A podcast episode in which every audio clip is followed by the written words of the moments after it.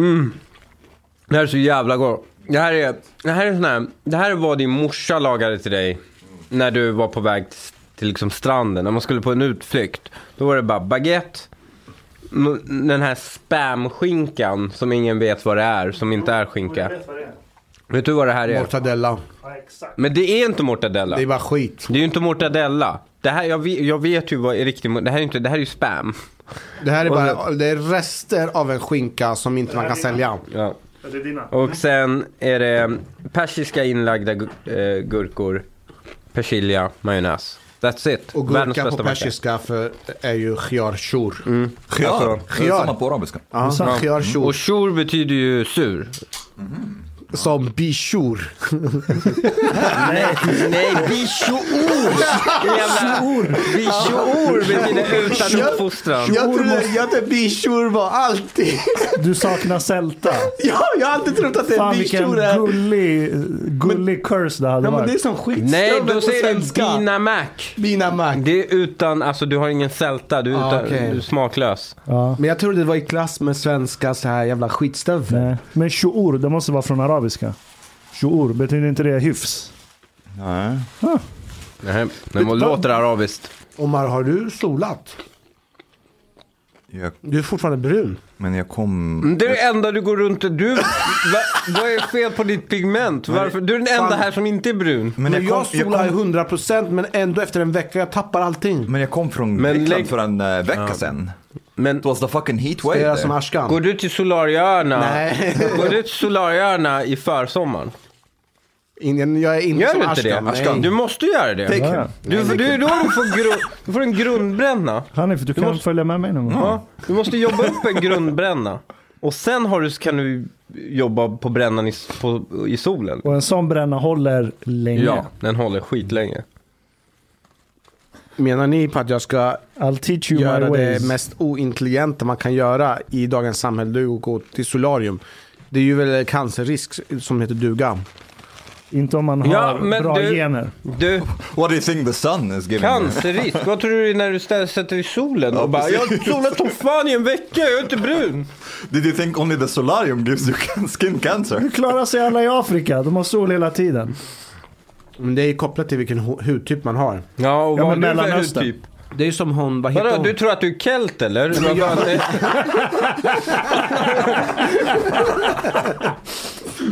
Men det finns hudtyp 0, 1, 2, Mm. 3. Eller finns hudtyp 0?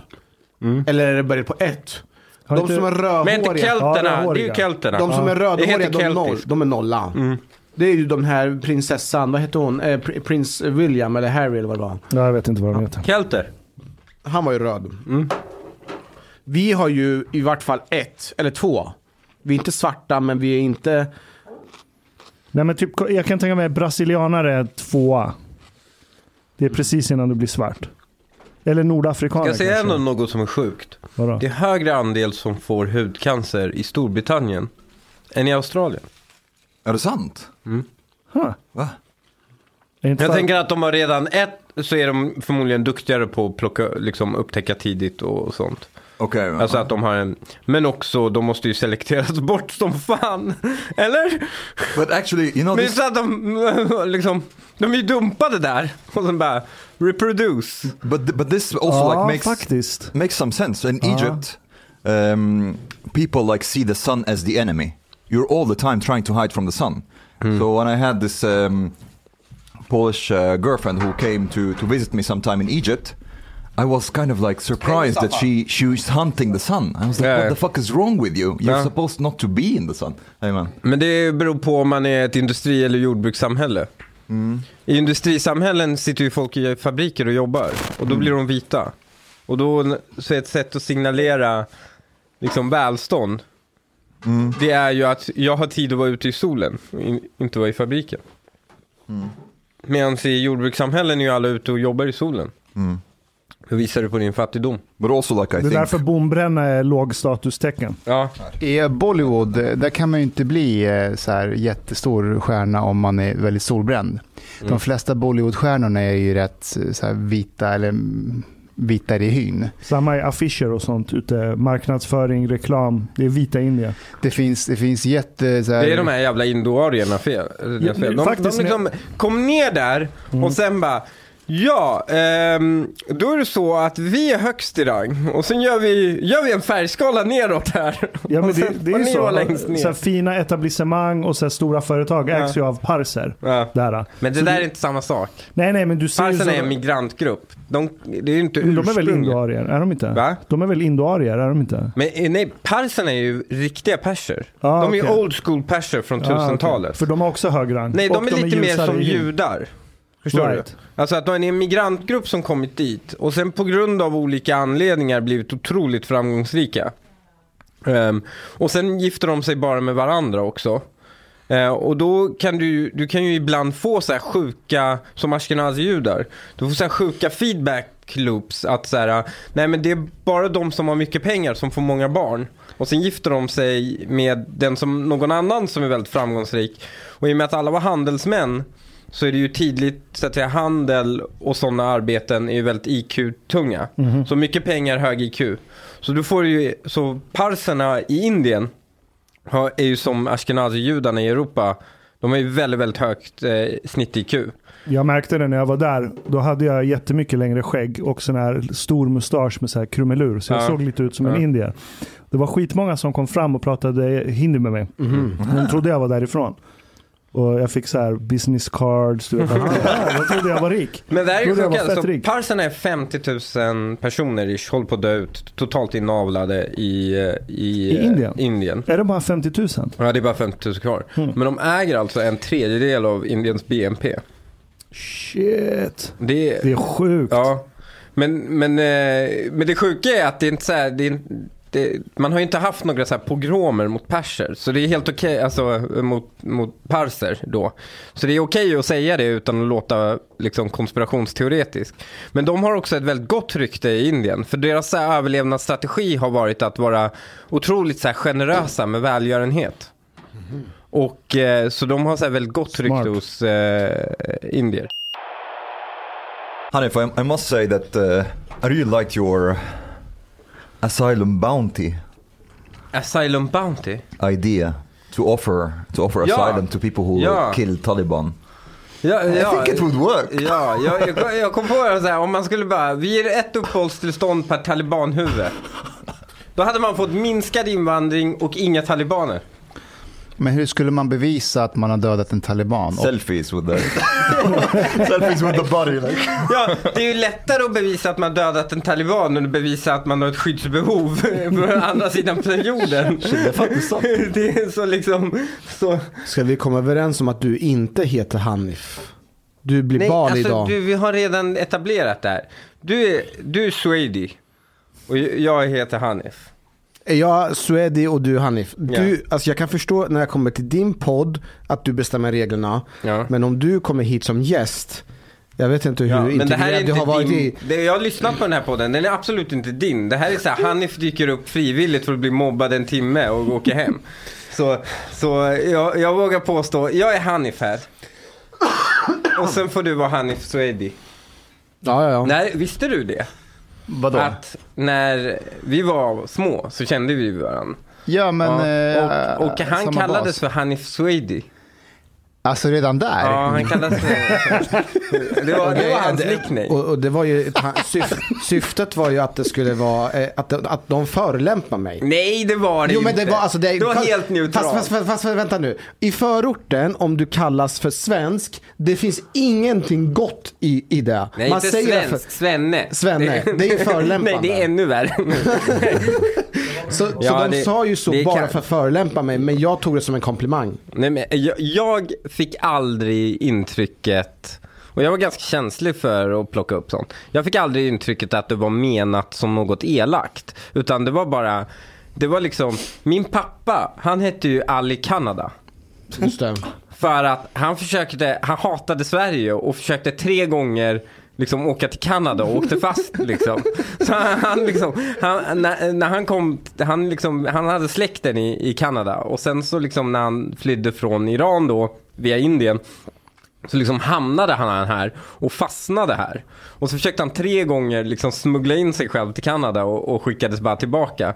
Och efter det fick han nicknamen Ali Kanada. Och det var ju aldrig något elakt Alla menat. hade sådana nicknames. Typ, det var någon som jobbade med el. Han hette Mohammed. Han hette Mohammed Barri. Mm. Ja, Liksom exakt. El-Mohammed. Ja men eh, bland afghaner, alla heter ju doktor. inte alla, men de som är läkare och så ingenjören och eh, rörmock. Nej, kanske är det därifrån rörmokare. den här, det finns ju den här, ja, även i Pakistan och Indien, att folk heter Mohandas. Alltså, Ja, som förnamn ja. som förnamn Ingenjör. heter Ja. ingenjör i förnamn. det- In Egypt it's the same thing. Like not it's it's a title more. They call you Bash Mohandis. Ja, men det är doktor. som titel, absolut. Men Typ the de här går... suicide bomber. Ah.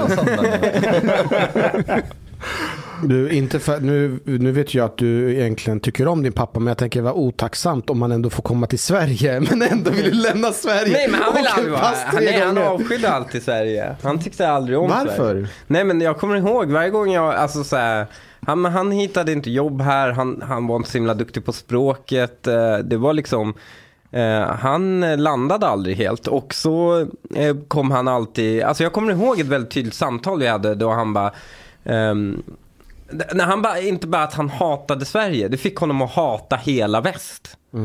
Alltså han berättade typ, han bara, ja men ta, eh, han hade två systrar i Kanada. Eh, och de var, eh, eh, en av hans eh, syrror var gift med hans bästis back in the days eh, i Iran och Indien. De pluggade i Indien ihop. Och han liksom, han bara, ja men titta på honom, han är arkitekt. Eh, och han får inte jobba med sånt nu, han kör taxi liksom. Sådär. Det var så han berättade, han bara, de, de tycker inte om oss här, det finns inget för oss att hämta här liksom.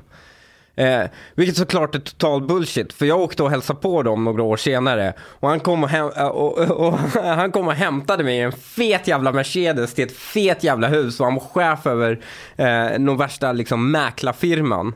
Eh, så regionchef över största jävla mäklarfirman. Och de hade det jävligt fett. Så, så den storyn gick ju inte ihop, men det fanns en bitterhet i honom. Som i och för sig släppte med tiden. Det släppte lite med tiden. Men jag kommer ihåg när jag, han hade bott i Sverige i tio år ungefär. Eh, när vi hade det här samtalet. Vad jobbade han med här? Han, han jobbade inte. Han levde på SOS och liksom. ehm, men sen var det 98. eh, men då bodde inte jag hos honom längre. Då flyttade de och köpte eh, en restaurang uppe i Jokkmokk. Och då började han tjäna ganska bra med pengar liksom. Eh, och så. Så då, då blev han också, han blev, började prata svenska mycket bättre. Tyckte, han var askast på det, men han gjorde det i alla fall liksom. Hur, hur gammal var du när de köpte restaurangen? Eh, jag var väl eh, tio år. Ah, Okej. Så Mm. du hade inte hunnit bli påverkad av deras arbetslöshet för att själv bli arbetslös? Nej men jag bytte ju familj till en annan familj eh, efter det. Och i Ah. den familjen, det var också iranier. Men han jobbade eh, i spärren på, nej hon, hon jobbade på spärren i pendeltåget hos SL. Eh, och han jobbade i nattluckan i OKQ8 Rinkeby. Eh, och på den tiden, sen kom EU och fuckade det där, men på den tiden fick du jobba en vecka, OB, och sen vara ledig en vecka. Eh, och nu får du inte göra så längre, du får inte jobba natt en hel vecka i Arbetslivs, sträck. arbetstidsavtal och grejer. Ja, nej men det är nå- What? någonting med arbetsmiljön. Ja, ja. Eh, då så här, nej men du måste ha två nätter, du får max ha tre nätter och eh, nattarbete och sen måste du ha dagsarbete. Vad är det för bullshit? Min- så var det Om jag gillar att jobba natt. Nej men min, min farsa blev förstörd av det kommer jag ihåg för att för honom var det skitlätt. Han behövde ställa om en gång, jobba natt, ställer tillbaka och sen var det dagtid. Så var det liksom, ja helgen var omställningsperioden för honom. Men alltså efter det, han, han, alltså han åldrades tio år på raken. Och det här var nog arbetsmiljöforskare i EU som hade kommit fram att så här ska vi ha det. Men han åldrades plötsligt, ett så måste han jobba dagtid. Och så måste han ställa om från natt till dag till natt till dag hela tiden sådär. Det är något jag inte saknar från polisen. När man kör tre dagspass och sen är- så hade vi tre natt och sen tre kväll. Mm. Så precis när du blir van vid att ja, men gå upp vid halv sex och gå till jobbet. Så skulle du ställa om till, Mm. till att börja Nej men det är så värdelöst. Man borde ju bara, ett borde man ju typ åtala personen som kom på det här för typ att förkortat livslängden på minst eh, några miljoner människor. Eh, och sen borde man ju bara låta folk som vill jobba natt i sträck göra det.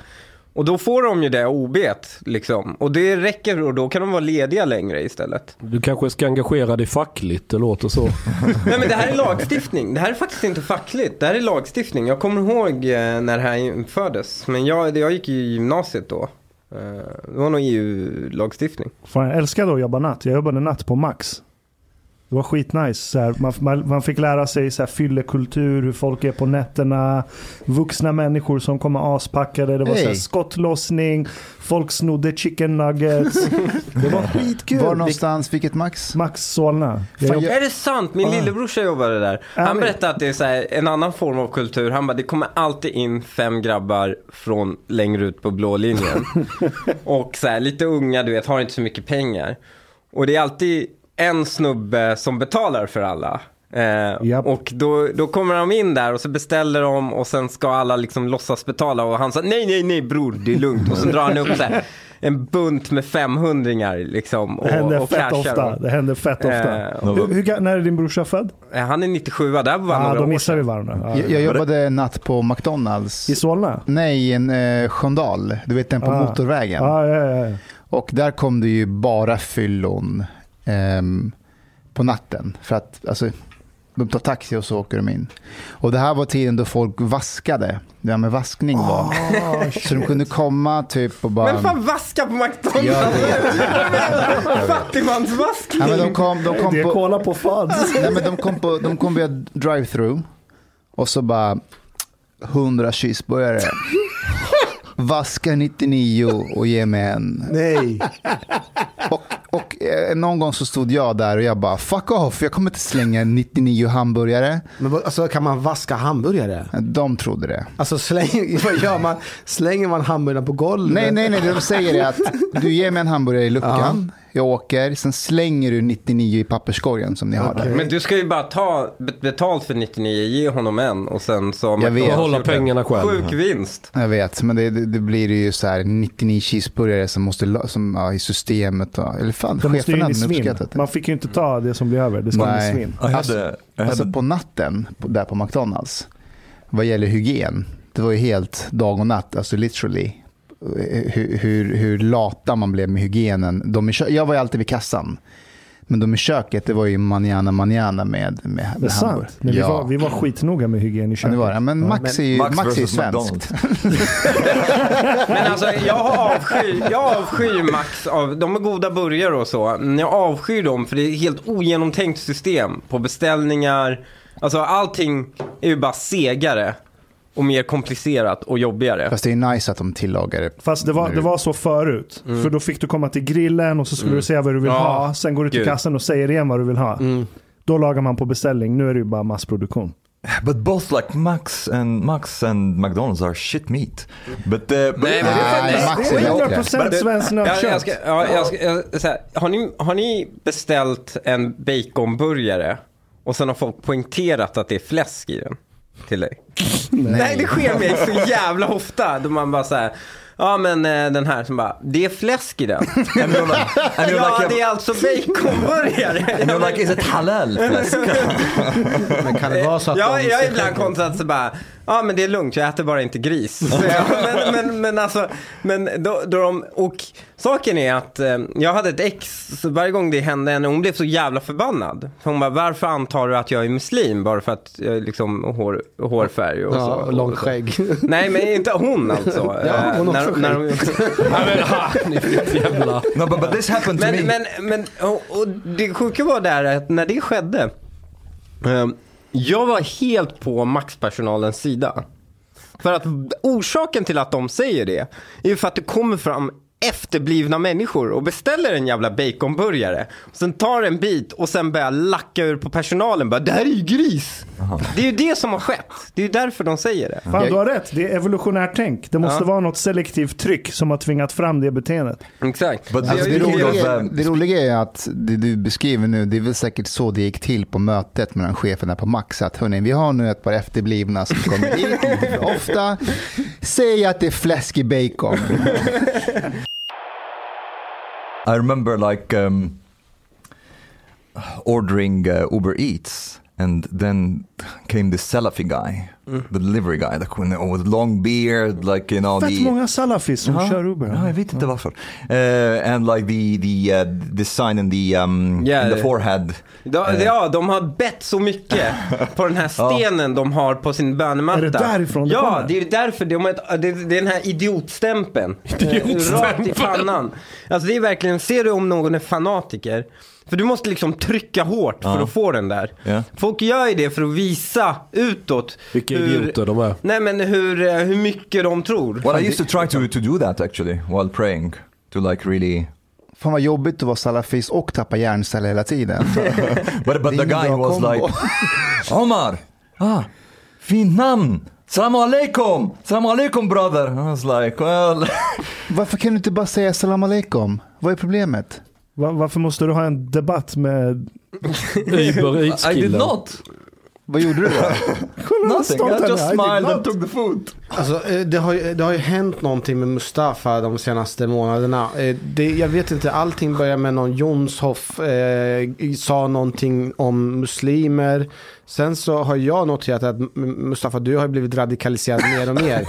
Jag vet inte eh, vart det här är på väg. Vadå, jag, jag säger bara om någon säger salam aleikum, varför, varför inte bara säga salam aleikum tillbaka och inte bara Aleikum jag har bränt- salam svarar Eh, man. wa alaikum salam. Ja, jag får jag har faktiskt bränt Koranen, jag är inte muslim You längre. assume that I did that, but you know that I didn't. I told you that Omar, story. Omar, du heter Omar. Omar. Omar. Du, du har arabisk brytning oavsett vilket språk du pratar. Mm. Du har arabisk näsa. Du, du har skägg. Yeah, but there are some details Varför- in this story that makes it more absurd that, well, you guys know Gå, about. gå inte in på dem. Yeah, I will not go into the details, but it was too ironic. Vad hade du på dig när du öppnade dörren? Det var mer vad han hade i kroppen.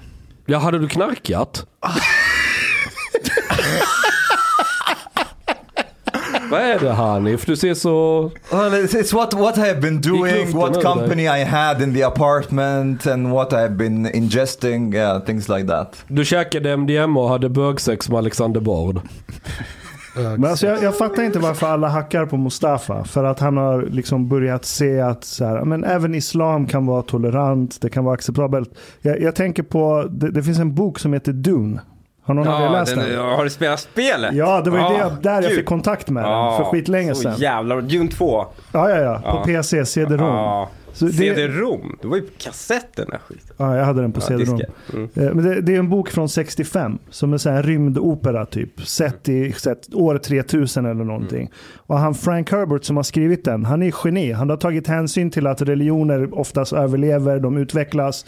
Så, så här, boken handlar om att eh, människor har koloniserat rymden, det är feudalism. Och sen finns det kungahus som styr olika planeter.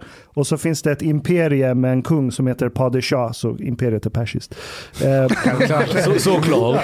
Sen, sen alla krigar om en drog som heter melange. För att Ja. du måste ha den drogen för du får så här multidimensionell intelligens. Vilket behövs för att du ska kunna leva i rymden. Och den här drogen finns bara på en planet som är en öken. Så det är typ Mellanöstern i boken. Och, och Det är på- oljan. Det är oljan, det är Ja. oljan. Och den planeten heter Arrakis. Och där det finns ett folk som har blivit ett urfolk där. Och de är muslimerna i boken. Så de har ju tagit med sig islam. Men Eh, De har anpassat islam till sitt nya hem. Så du vet på den här planeten det råder brutal vattenbrist. Så all, de, de som har vatten har makt. Så de har format om islam så att när någon i klanen dör, det är ett klansamhälle. När någon i klanen dör, då ska man suga ut allt vatten ur den här personens kropp. Alltså blod, vätskor, allting. Och så delar man på vattnet i klanen. Så det är att så här, vattnet tillhör klanen, kroppen tillhör Allah. Eh, så, så det är en så här modern form av islam. Men mycket av, eh, alltså det är ju alldeles uppenbart att eh, hela Skywalker, alltså Jedi-orden och allt sånt är ju direkt inspirerat Det från är hans baxat därifrån Ja, rakt av. Game helt. of Thrones är baxat av Mm. Dune rakt av. De har är bara bytt bra. ut knark mot drakar eller någonting. Men vi skulle jag, en tänker, jag tänker mycket på dig Mustafa när jag läser den boken. Jag också. För där har du liksom, det, det, det är hög, Låt han förklara klart. nej men det, det, är så här, det är högteknologiska muslimer. De har uppfunnit värsta så här, dräkterna och teknologierna men det är fortfarande klansamhälle. Men de ligger fortfarande med sina kusiner. Kolla, till och, med, till och med det har de löst. Så att så här, eh, om, en kvin, om en kvinnas man dör Eh, då kom, den som har dödat kvinnans man får välja den här kvinnans öde. Så du kan antingen välja att den ska bli din servant, eller så kan du välja att det ska bli din fru. Vadå, det är som IS och yazidierna? Nej, fast här kommer grejen. Men du kan också säga om du vill att du får vara fri. Så den möjligheten finns. Så det är som IS? Det var inte att lösa problemet vill jag säga. Kan det vara så att även IS är inspirerad av den här boken? Inte bara eh, Game Alltså, of Thrones. Vet, vet och- du vad själva boken handlar om? Själva Nej. boken är inspirerad av den här grejen jag nämnt förut. En annan bok som heter Sexual Cycle of Warfare. Att krig är en biologisk eh, selekterad funktion för att sprida generna. Så att det ska bli exogami, alltså motsatsen till incest. Så boken handlar om jihad fast i rymden. Så de Men- använder ordet jihad i Dune. Ja, men det här är ju, eh, det här med, det är ju en väldigt intressant, känner du till den här Yamanano-stammen i Amazon? Nej, Amazon? Så den här Cannibal, eh, vad heter den här? Cannibal eh, Apocalypse eller vad den heter. Eh, Filmen. filmen. Den bygger ju på dem. Det här är världens mest våldsamma eh, folk. Uh, Aren't Yeah. they the ones who like mutilate their their female partners or something De like gör that? allt. Ja. Allt hemskt du kan komma på gör de här. Och de, deras släktträd är skitintressanta. För de är de enda som gör det här i världen. Och det är, de har, de gifter bara bort um, så här, syskonbarn till varandra. Så om du får en bror och, alltså om du får en son och en dotter så, så gifter du bort din son och din dotter till din brors eh, son och dotter. Och de gör det också. Så släktträdet är helt rakt neråt. Det är bara kusiner som gifter sig med varandra. Det är inte back, de blir ju inte, de, det här är inte som kusinäktenskap, det här är tio gånger värre. För alla är dubbelkusiner alltid med varandra. Så, och språkligt så finns det ingen skillnad mellan ordet farbror eller morbror och svärfar. Det är samma ord liksom. För, och det här är väldigt intressant. Så I, i, så är det ju i svenska språket med till exempel. I svenska språket särskiljer man ju inte mellan kusiner på faders sida och kusiner på moders sida sant. Medan det gör man på till exempel arabiskan Persiska för också. att du Ja. gifter dig ju enbart med kusiner på faderns sida exempelvis. Men i Sverige behöver man inte göra den distinktionen för du planerar inte ligga med dem.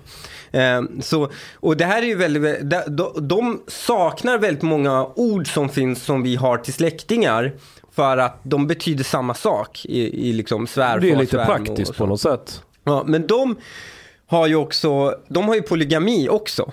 Så då blir det ju brist på brudar. Så de, det är bara konstant raidande och dödande av andra byar och snor deras kvinnor för att få in lite nya, nytt liksom, ehm, ja men få in lite Mates. nytt DNA. Eller det är brist på kvinnor helt enkelt. Och det är det mest vålds... Hälften av alla män, hälften av alla män dör i våld innan de är 40. Du kan förstå, alltså USA som man brukar säga är ett extremt våldsamt samhälle, där ligger det på under en procent ungefär. Cirka en procent. Där är hälften.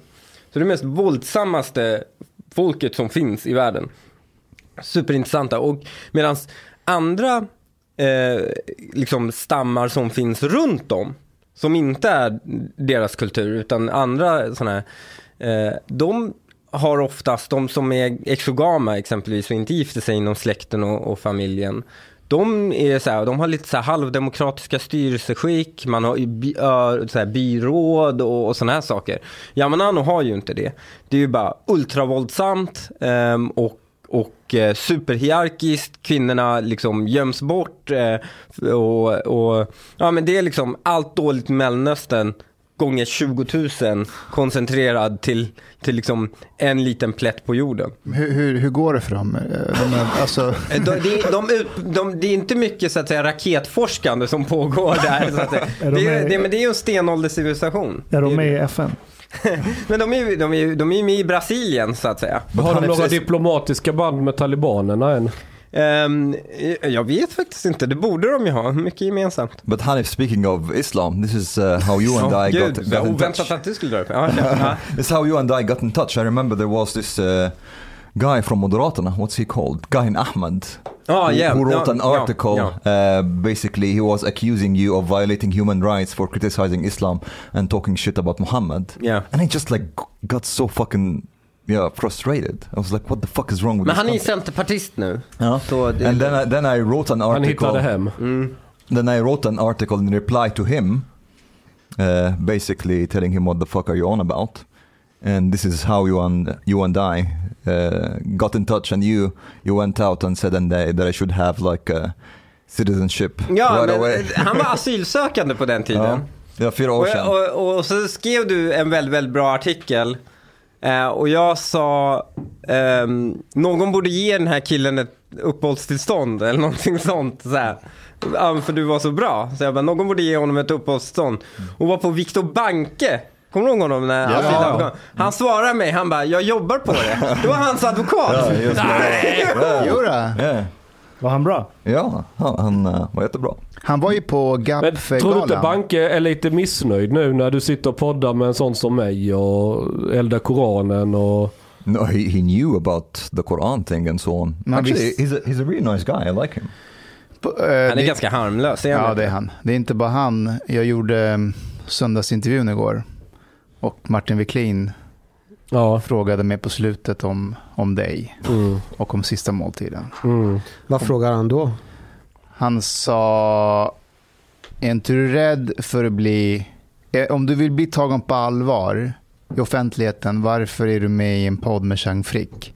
Jag tycker det var en ganska re- relevant fråga. Det är inte, Jag, det- jag skulle det är inte vilja dum fråga varför är du med i, i en intervju med Martin Wiklin om du vill bli tagen på allvar. Jag menar han jobbar ju för statsmedia. Jag tycker faktiskt att han är, han är duktig, han ställer bra frågor. Men, men alltså det, det är en relevant fråga och det har ju vi, vi har ju alla pratat om det och vi, har- vi, har- vi har ju sagt att alltså det här har ju påverkat oss alla. Alltså, Hanif, det har påverkat dig ganska mycket, det har påverkat Ashkan. I got fired. Du fick kind of. sparken från GAP. Men, men vem liksom. har det påverkat allra mest? När Hanif blev kickad från eh, sina uppdrag i riksdagen. Det är nog min största trofé hittills. Ja, du har sabbat alla våra karriärer. Du är den gemensamma nämnaren. Alltså vet du, hur mycket, vet du hur mycket uppdrag jag har förlorat? Jag var nära att bli omplacerad på jobbet. Jag, jag har blivit anmäld till interna utredningar. Jag har fått halva min eh, arbetsgrupp i, på min arbetsplats du- du- har du- vänt han- sig emot mig. du, du mår ju bra av att vara matur. Du borde tacka mig. Men, men det jag skulle säga är att den som har påverkats mest, den som har påverkats mest är ju Chang. För Chang, du har ju fan kommit in På i värmen. sätt. du Ja, har ju fått skriva eh, artiklar för Fokus numera. Om Ja, kärlek och död. var. Gud vad fin den var, Berätta, den artikeln. Jag, jag, Jag, jag, de, jag delade den till Den var eh, min jättefin. tjej. Den var jättefin den jag, artikeln. jag, jag jobbar på att skita ner mig igen. Så låt det inte bli en vana att jag är i några jävla finrum. Tänk på att det är vi som har fått det in i värmen. Ja, genom att du- skita ner oss. Ja. Har vi, berä- har, vi, har, har vi pratat om den texten? Vi nämnde det Fokus? förra gången. Ja. Ja, ja. Den var Ja, jättefin. Mm. En kul grej var att en kille hörde av sig som hade läst den och hade en sån brosch som Andreas hade supit bort.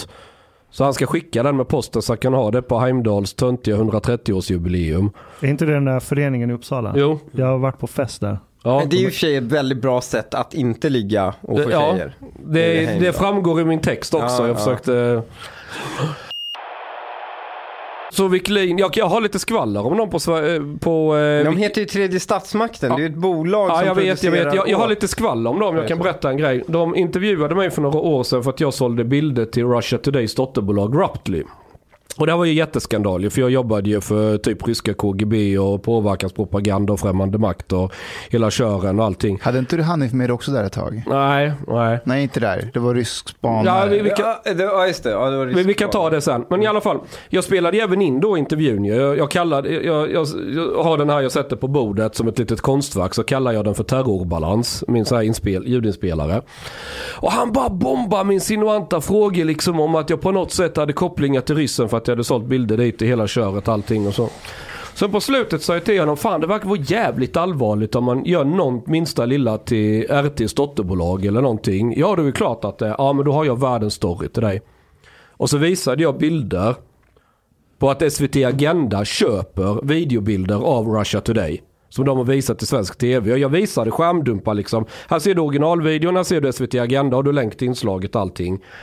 Här har du en mycket större story. Det är väl tusen gånger mer intressant än lilla jag. Att fucking SVT Agenda. Och de är ju med och finansierar den ryska propagandan för de har ju uppenbart köpt bilder där. Du har ju tagit pengar från dem.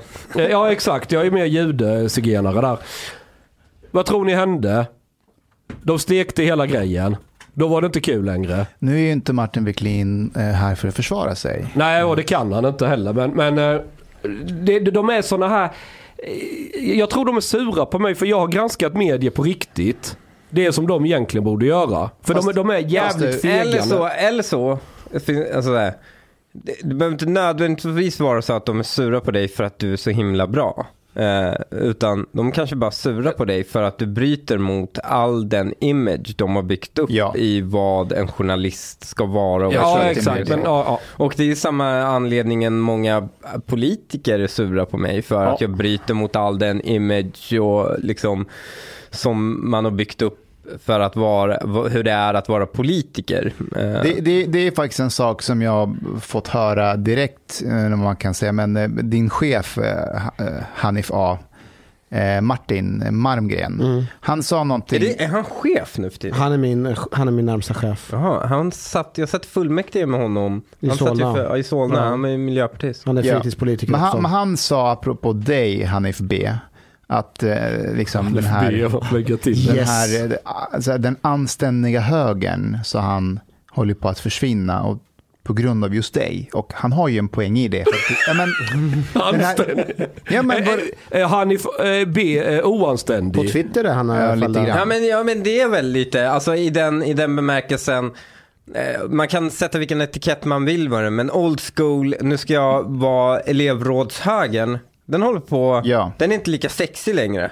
Har det någonsin varit sexy? Nej, men den är inte lika sexig att vara som politiker. Förut var det ju så här, ska jag göra karriär, tänkte folk. Ska jag göra karriär, då måste jag vara den här elevrådspersonen. Jag vet ju jättemånga politiker som är hyper-PK och liksom hellre säger för lite än, än eh, råka signalera en åsikt som inte är fulltänkt. Liksom allt den här försiktigheten vi kopplar eh, som är väldigt talespunktsbundna och sånt. När du sätter dig i ett fik med dem så pratar de, alltså de pratar som jag pratar. Eh, och är helt öppna och Ja, de är eh, lika spel. oroliga för samhällsförfallet och invandring och allting. Alltså bara så här, de kan prata helt fritt och öppet. Eh, Jag har fan suttit med, kommer du ihåg Centerpartiets migrationspolitiska Johanna Jönsson? Jag satt på en middag med Johanna Jönsson eh, i Almedalen, det här var typ 2015-2016. Och vi, pra- vi kom in på det ensamkommande. Och hon säger, alltså hon säger så här på den här middagen. Till mig. Säger hon så här. Nej men jag är ju runt på många boenden och så. Och jag märker ju att de inte är minderåriga. Jag ser ju att de inte är minderåriga. Men det kan jag inte gå ut och säga. Så bara, men öl?" jag är ju ute och säger det. Och när du inte går ut och säger det så tror jag att det är något suspekt när jag går ut och säger det. Om du också går ut och säger det, då hade man liksom den diskussionen kunnat lägga sig och sen så säga, okej, men vad ska vi göra åt det? Eller hur stort problem? Alltså man kan gå vidare från det. Istället har det varit så här krig om världsbilder och sen Ja. har de liksom ansträngt sig för att säga att de som ens lyfter den här frågan har något suspekt för sig. But, but Hanif, So- isn't isn't it like a little bit here in Sweden that it's uh, more important how you say something than what you're actually saying? Ja, såklart. Det är, men det är ju för att man är rädd för att sticka ut i det här landet och vara för att, men jag förstår också varför man är, för du blir väldigt brutalt behandlad om du har en åsikt som det här landet säkert kommer adoptera om tre år, men för tillfället så har man inte det. Och då blir du faktiskt otroligt, otroligt brutalt behandlad. Och jag tror det gör särskilt ont också på svenskar, alltså folk som är uppvuxen med konsensus och den, de normerna som finns här i Sverige, som verkligen är uppvuxna i det, att bli behandlade så. De känner sig otroligt utsatta. Um, medans, eh, för folk säger så här, ja, men du kan säga så för du har invandrarbakgrund. Så bara, Nej, alltså det är inte så att jag inte blir kallad för rasist. Den stora skillnaden är väl att när du blir gör det av din omgivning så tar du otroligt illa upp. Alltså, och, och medans många med invandrarbakgrund som har blivit kallade för det skiter ju fullständigt i det ju. En annan person, Mauricio Rojas, Ja. han, han berättade att vet, han har ju skrivit mycket om svensk kultur, alltså hur svenskar är och vad som gör svenskhet och, och gör det otroligt bra. En, en av de här, få personer som, som har fått mig att lära känna Sverige och svenskar på ett bra sätt. Men han, han ska också ha sagt att man gjorde ett stort misstag som man inte förstod med svenskheten och det var att att, att vara för tidigt ute, Just det. då, då blir du liksom deklasserad. Och ett större misstag han sa som han gjorde, det var att han var aggressiv. Alltså även när han märkte att folk inte ville lyssna på honom, så var han aggressiv. Så här, nej, men nej, ni måste lyssna för att det... Right. Och att det uppfattas som en haverist i Sverige. Om du, om du Very non-Swedish to be like that. Precis. Johan, Johan Hakelius säger ju att första gången när du ställer upp och bara, nej men jag håller inte med, så ignorerar alla dig. Eh, eh, andra gången om du säger till så, så börjar folk vrida lite på sig. Så här, vad, vad jobbigt han är, han är lite jobbig. Och tredje gången när du säger samma sak, då säger folk haverist. But Hanif, has it been like uh, ever? Probably it has been ever tempting to you to think like that. You thought sometimes like, ah, oh, maybe I should like change my rhetoric a bit in order for me to be like to to reach maybe higher positions politically Ja. or to or to like reach my goals. Ja, for hela example. tiden. Alltså jag gör ju det hela tiden också. Alltså så här, för att ehm, det är inte så att jag springer runt och säger alltid exakt. I viktiga frågor säger jag vad jag tycker. Men alltså eh, det är klart att man modererar sig själv hela tiden för att ehm, det, partiet vill ju eh, svensk partikultur, inte partiet.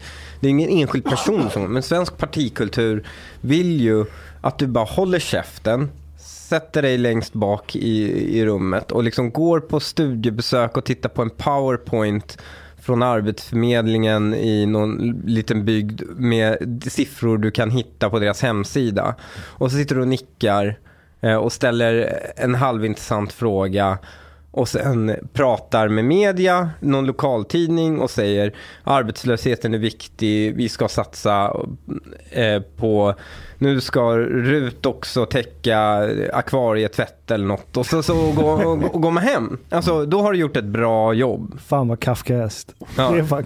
Det, det är det som premieras internt. Ehm, och jag märkte väl tidigt att, här, att göra sådana här saker ger otroligt lite utåt gentemot väljare. Ehm, och tar extremt mycket tid. Och jag sa, lägger jag en bråkdel av den tiden på, istället för att sitta i Arbetsförmedlingens kontor i Åtvidaberg och be dem dra hur hög arbetslöshetsprocent det finns i Åtvidaberg, någonting jag kan alltså kolla med mobilen på tre sekunder. Ja, då kan jag ju istället lägga lite mer tid på att kommunicera utåt eh, till väljare och bygga relationer med väljare. Och jag märkte att det gav ett mycket, mycket större avkastning. Eh, Vem kunde ana? Ja, och, eh, Och på och- vilket sätt ger det avkastning? Nej, Det ger avkastning i form av väljare.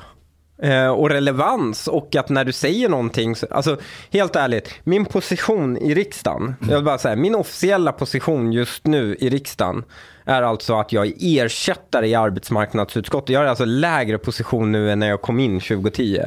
Då var jag i alla fall ordinarie i arbetsmarknadsutskottet. Jag är då tre, så här, fjärde namn i arbetsmarknadsutskottet. Vet någon ens namnet på sossen som är det? Nej. Ingen vet, jag vet inte vem det är. Vi sitter i samma utskott. Jag vet inte vem det är. Det är liksom, ingen vet ju det. Men ändå ringer ju journalister och vill ha min åsikt i olika saker, saker och ting. När jag tycker till om olika frågor och ställer sig, så, ja men då behöver Morgan Johansson reagera på det. Han reagerar ju på saker jag säger. Men, Innan gjorde ju ditt eget parti det också. ja, det, men, But, I, but I think men- this, this men- shows like the gap between like the establishment and, polit- and, and politics and the people.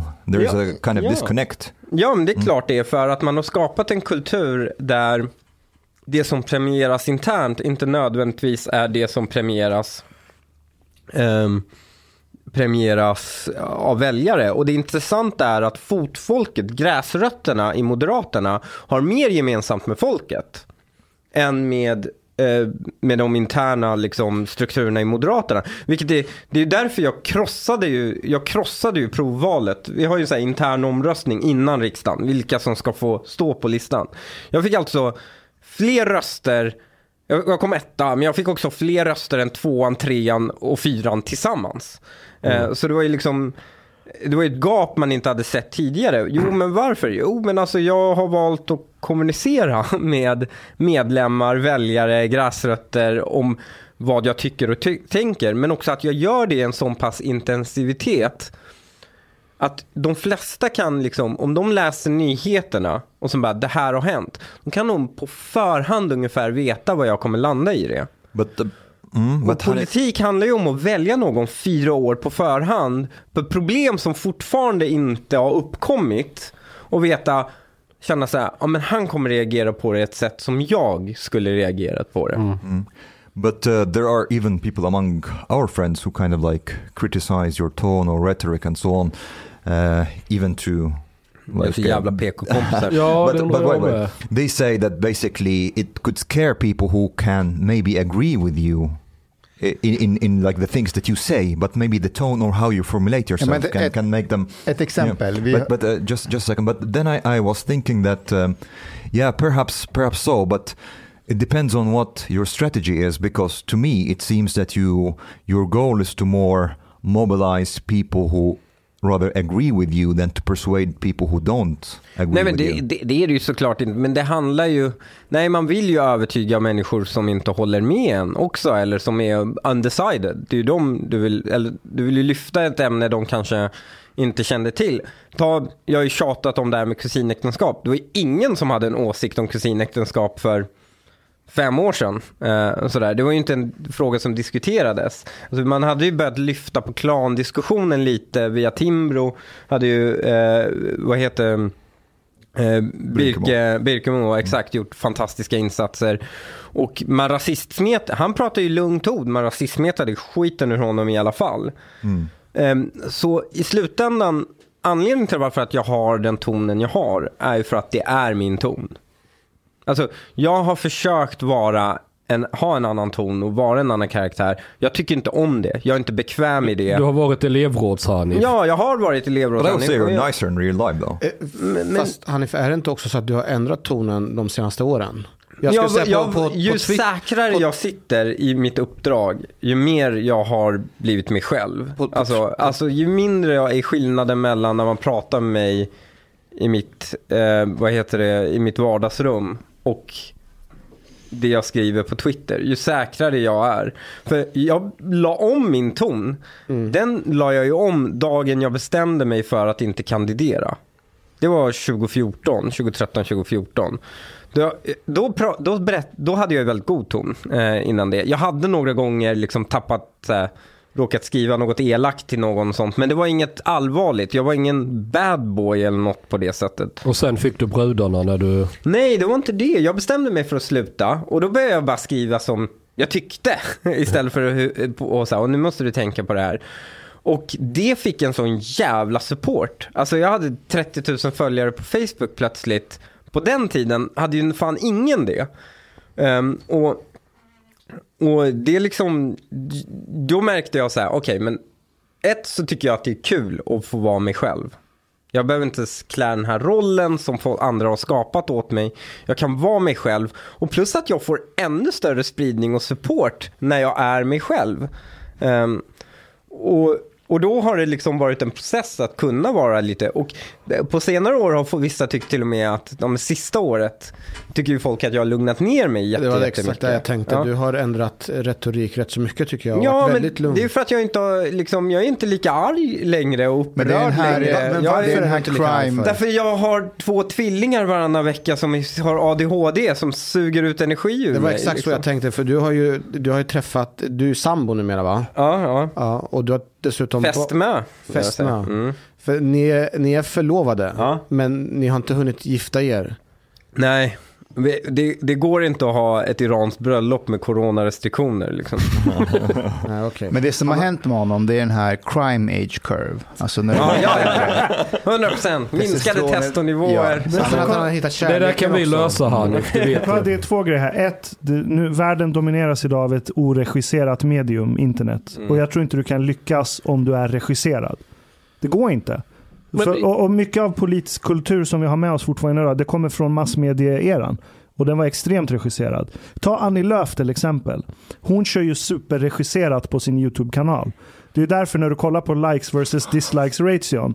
Det är typ så här 100 pers som har likat den, 10 000 pers som har dislikat den. Det är för Och regisserat. då ska vi veta att det är säkert fler än 100 personer som jobbar för Centerpartiet. rikaste, rikaste partiet vi har. Det, är, det är en av världens rikaste partier. Men jag, jag fattar inte den här jävla besattheten av ton. Jag, jag tycker den är äcklig. För det är så här, alltså, om, om man bara gör en så här ärlig analys av situationen. Vi, vi, är så här, vi, vi är talande apor med så här 200 000 år gammal biologi. Och så har vi byggt upp någon jävla sjuk civilisation som är för komplex för en enda person att fatta. Så det är ingen som har kontroll. Vi behöver olja och energi och så är det så här krig på andra sidan jorden på vår verklighetsversion av Dune. Liksom. Vi håller på och krigar om olja där borta. Vi har massmigrationsflöden. Vi håller på och så här pollutar sönder pla- planeten. Och så försöker vi bygga någonting som funkar. Och folk sitter och obsessar om ton. Nej, men, Alltså, du måste vara så jävla verklighetsfrånvänd om du tror att ton är någonting Nej, du- du viktigt. Men, men en tror, du inte, tror, du inte att, tror du inte att Sverige hade fuckat ur lite om det var lite för många av mig i riksdagen? jo, och, och, det, och det är lite det jag är rädd för, för det här med ton. Alltså det är klart, det är skillnad på ton och ton också. Kolla här. Du lägger fram det här med kusinäktenskap till exempel. Mm. Alltså jag lär mig massor. Jag har vänner som har eh, lyssnat på Mm. Och bara fan vad liksom, intressant. Jag måste fråga en sak. Hanni, får du kolla så din fästmö inte är din kusin? klart. Vänta, jag vill höra vad Mustafa säger. Säg. Det var faktiskt en relevant fråga från Chang. Och min fästmö, hon är ju pursvensk från Sollentuna och med rötter i Småland. Nej, nej, nej. Om Mustafa var din kusin. Nej, nej, jag frågar Jag ska gifta fäst... mig med Mustafa. Nej, om din fästmö, om du har kollat så att inte det är din kusin så du är helt säker. Man vet ju aldrig om, så att säga, om, om ens pappa har doppat det nere i Småland, men jag tror faktiskt inte.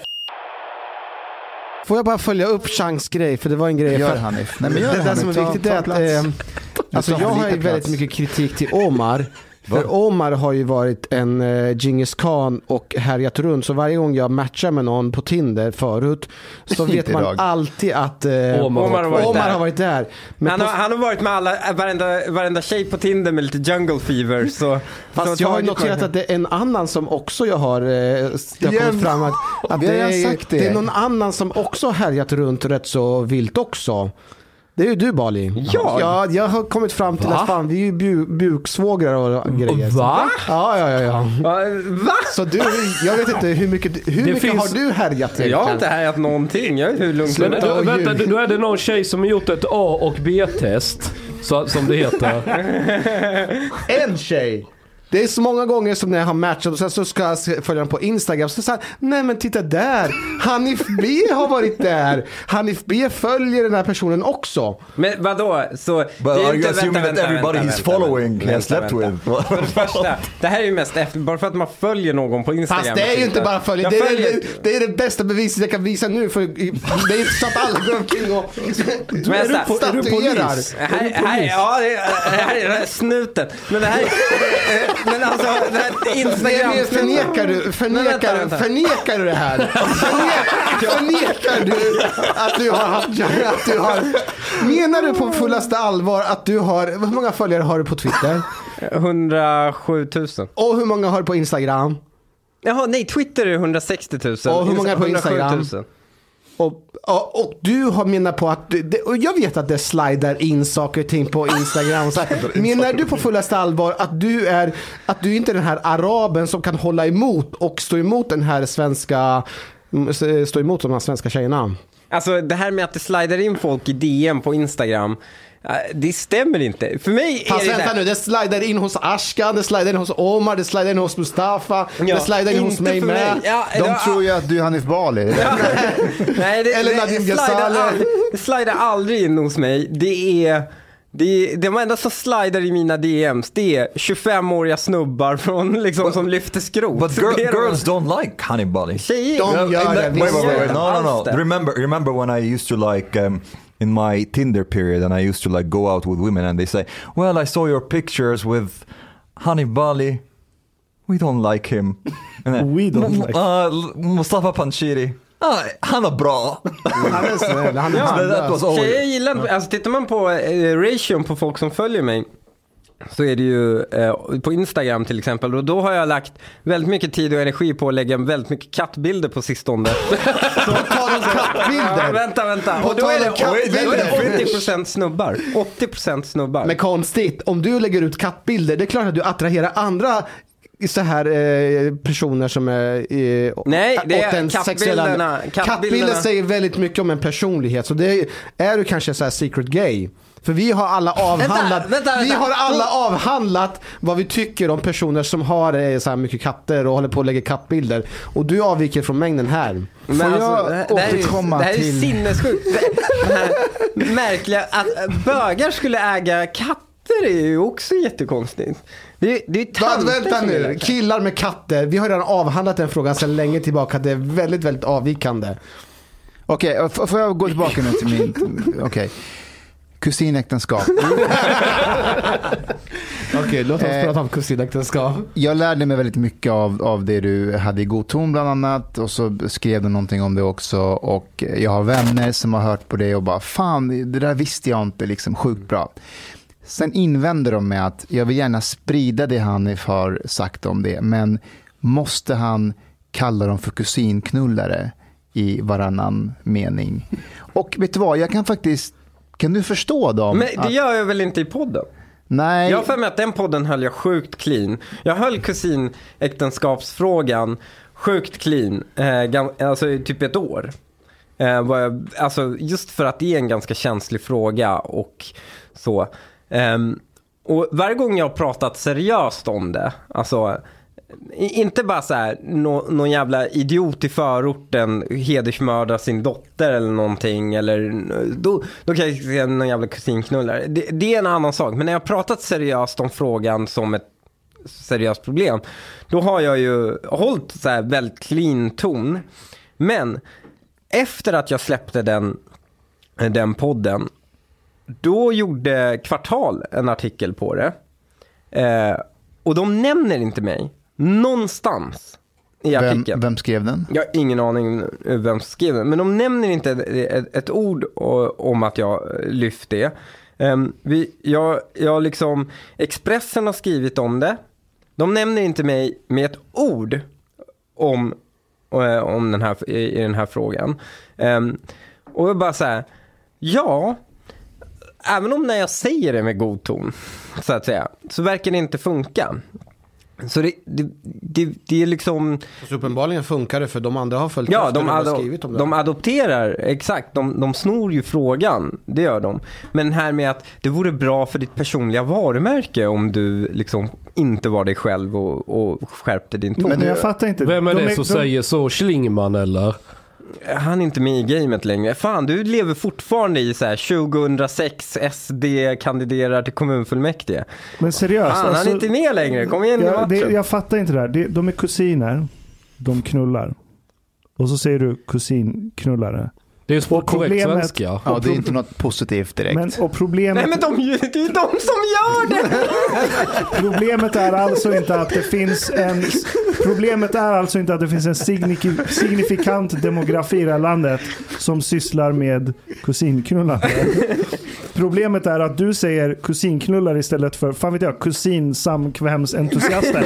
Jag vet, it's not a fucking problem. Vet du vad det sjuka är? Vet du vad det sjuka är? Exakt det du sa nu, det sa jag till de här personerna. Nej, Kusinsamkvämsentusiaster. nej, nej, nej. De som var tveksamma till Bali. Och, och, Ah, om- okej. Att problemet är större än tonen. jag, jag sa precis det, att, fast vet du vad, han, han kanske, det, det kanske är hans strategi att shamea de här kusinknullarna, att inte fortsätta knulla sina kusiner. Och, och jag såg på dem att de bara, really?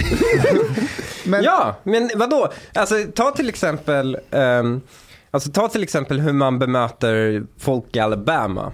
Alltså när man pratar om Alabama så säger man ju så här, ja men de är ju, de har alla liksom sex fingrar och är inavlade och ligger med sin syster. Och, och det är verkligen, man ser ner och skammar deras white trash eh, kultur. Och det är liksom. okej för de är vita. De är okej för de är vita. Men när liksom folk som bokstavligen bor i grottor gör det här. Eh, bokstavligen bor i grottor gör det här. Då, då är det på något sätt. Inte fint.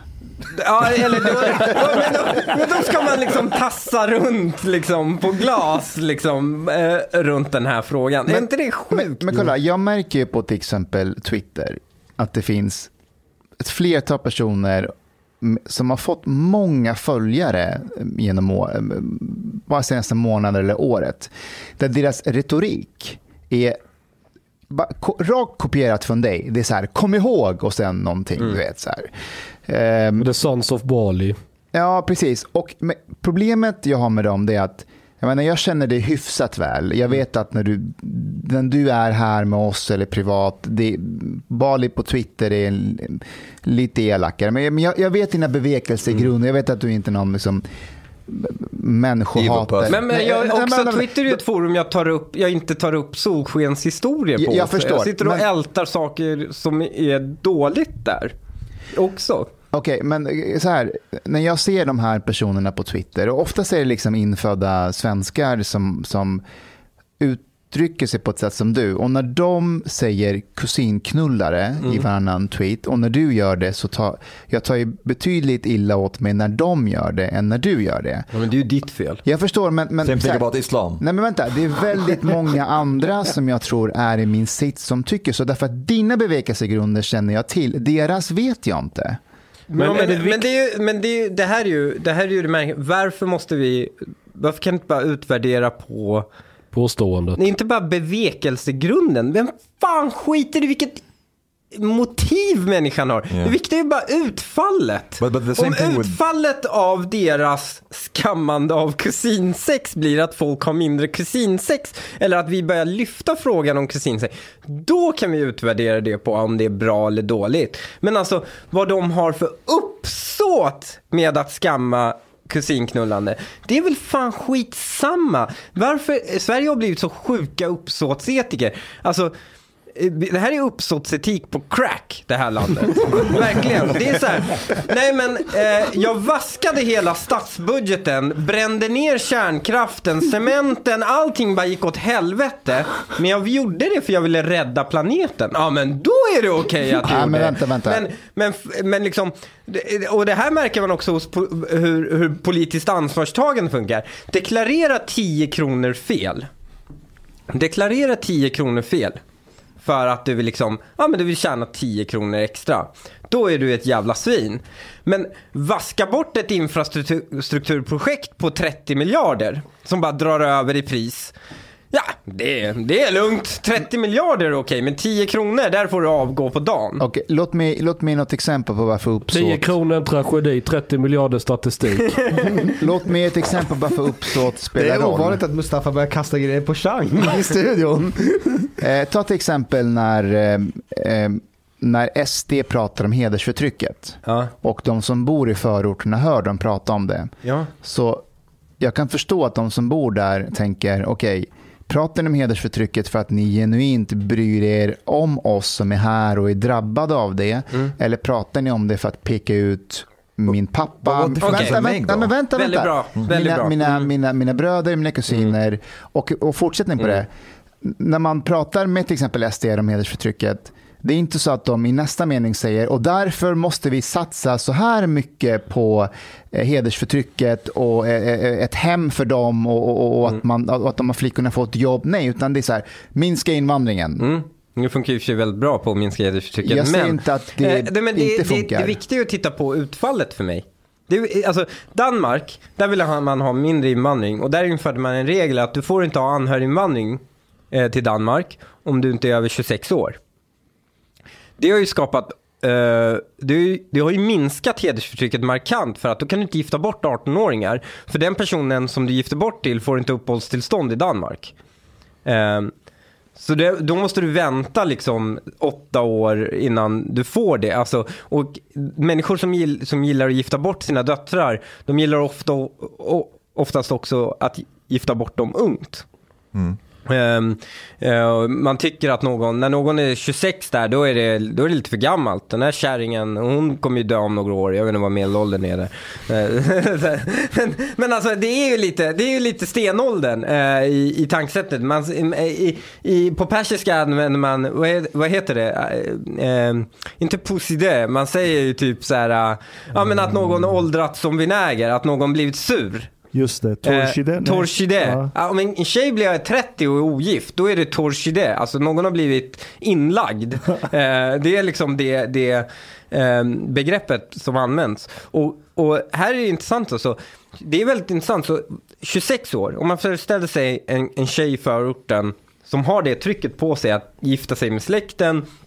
Släkten har det trycket på den familjen här, för de kan ju få ut en son i väst också. Det är ju skitnice. Um, men den, när den är 18, då går den i tvåan i gymnasiet. Eh, kanske trean. Den hinner, om, om gränsen läggs vid 26, den hinner gå ut gymnasiet. Den hinner kanske få ett jobb. Den kan, hinner kanske plugga på högskola. Den hinner kanske få ett nätverk utanför sin gymnasieskola. Flytta hemifrån. Få lite själv. Kanske hinna bli kär i någon annan. Till och med. Kanske. Och när man införde den här regeln i Danmark så tror jag faktiskt inte att när Dansk Folkeparti krävde detta så var det för att de brydde sig så varmt och hjärtligt om de här tjejerna. Jag skiter faktiskt i vilket jävla uppsåt de hade. Resultatet av det blev att det kvinnor fick det bättre. De här tjejerna fick det bättre. Och det är därför problemet är då att man folk sit- sitter och bedömer folk efter uppsåt. Så när Annie Lööf sitter och gör dumma grejer men hon har ett sånt fint uppsåt. Och gulle! Okej, Men jag- Det är liksom, det, det, det, du beskriver allt som är fel med hur vi utvärderar politik i det här landet. Okej, låt, mig, låt, mig, låt mig ge ett annat exempel. Ta senaste tiden med vår kollega Nadim Ghazale. Nu, han har ju stängt ner sin, sin Twitter för att det kom ju fram ytterligare en grej med att han hade någon tavla i sitt eh, tjänstekontor i Borås. Det var någon så här eh, mo- Sverigedemokraternas eh, eh, Blåsippa, va? Blåsippa är, är på någon asfalt och så under asfaltet är det så här, Nazism na- och nazism hakkors. Alltså, Ja, rätten är i ha, ett hakkors. Ja, exakt, exakt. Och det är någon konstnär och han har hängt upp det. Och, så det här rapporteras i princip bara i, i, i alternativmedia. Det är liksom, eh, din tidning tror jag skrev något om det och Fria Tider och Avpixlat och Samtiden. Och, och jag håller ju med i deras rapportering om att det är olämpligt att en tjänsteman har den här som tavlan på sitt kontor för att han ska vara opolitisk och så vidare. Och, och, och de skriver också liksom fint att har han det hemma hos sig så är det inga problem, men på sitt kontor. Och jag håller med om det. Men hade Nadim Ghazale haft eh, eh, någon konst på, eh, på sitt kontor där det stod eh, Socialdemokraterna har förstört mitt Sverige. Då hade ju de här tidningarna skrivit sanningssägaren Nadim Ghazale säger det som eh, är sant och, och liksom hyllat honom. Ja, absolut. Och- och där- men han hade ju istället fått sparken av sin chef. Visst, Men, men här, här, här, här, här är grejen med uppsåt. Att de här människorna, de, de vill ju inte ha opolitiska tjänstemän. De vill ha tjänstemän som är politiskt på deras sida. Det är samma sak som... No shit. But then the other side is the same Men, men, Ja, men vadå? vänta, vänta, Men ja, men båda har fel. Ja, båda har fel. Nej, men okej, båda kan ha fel. Men jag bara säger, om vi har ett samhälle där det är, så att säga, det är acceptabelt. Alltså, jag, jag kan dra det här till exempel. När, eh, vem fan var det som berättade det till mig? Eh, när den borgerliga regeringen tillträdde, antingen var det, eh, det 70-talet, den här konstiga eh, regeringen eh, som var i tre år. Eh, eller om det var vid 90-talet.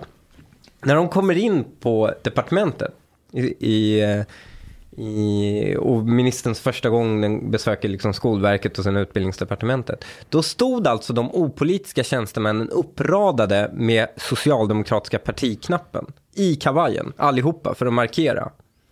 Alltså, det är självklart, det är självklart att det blir så att, att om du har ett system där det anses vara socialt acceptabelt att, att tjänstemän tar ställning eller är partipolitiska åt ett håll.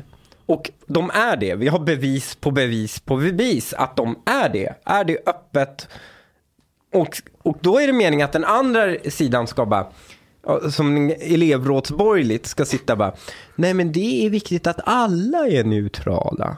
Och sen, och sen bara, vi ska spela rent. Och sen de andra bara, fuck det, vi ska vinna.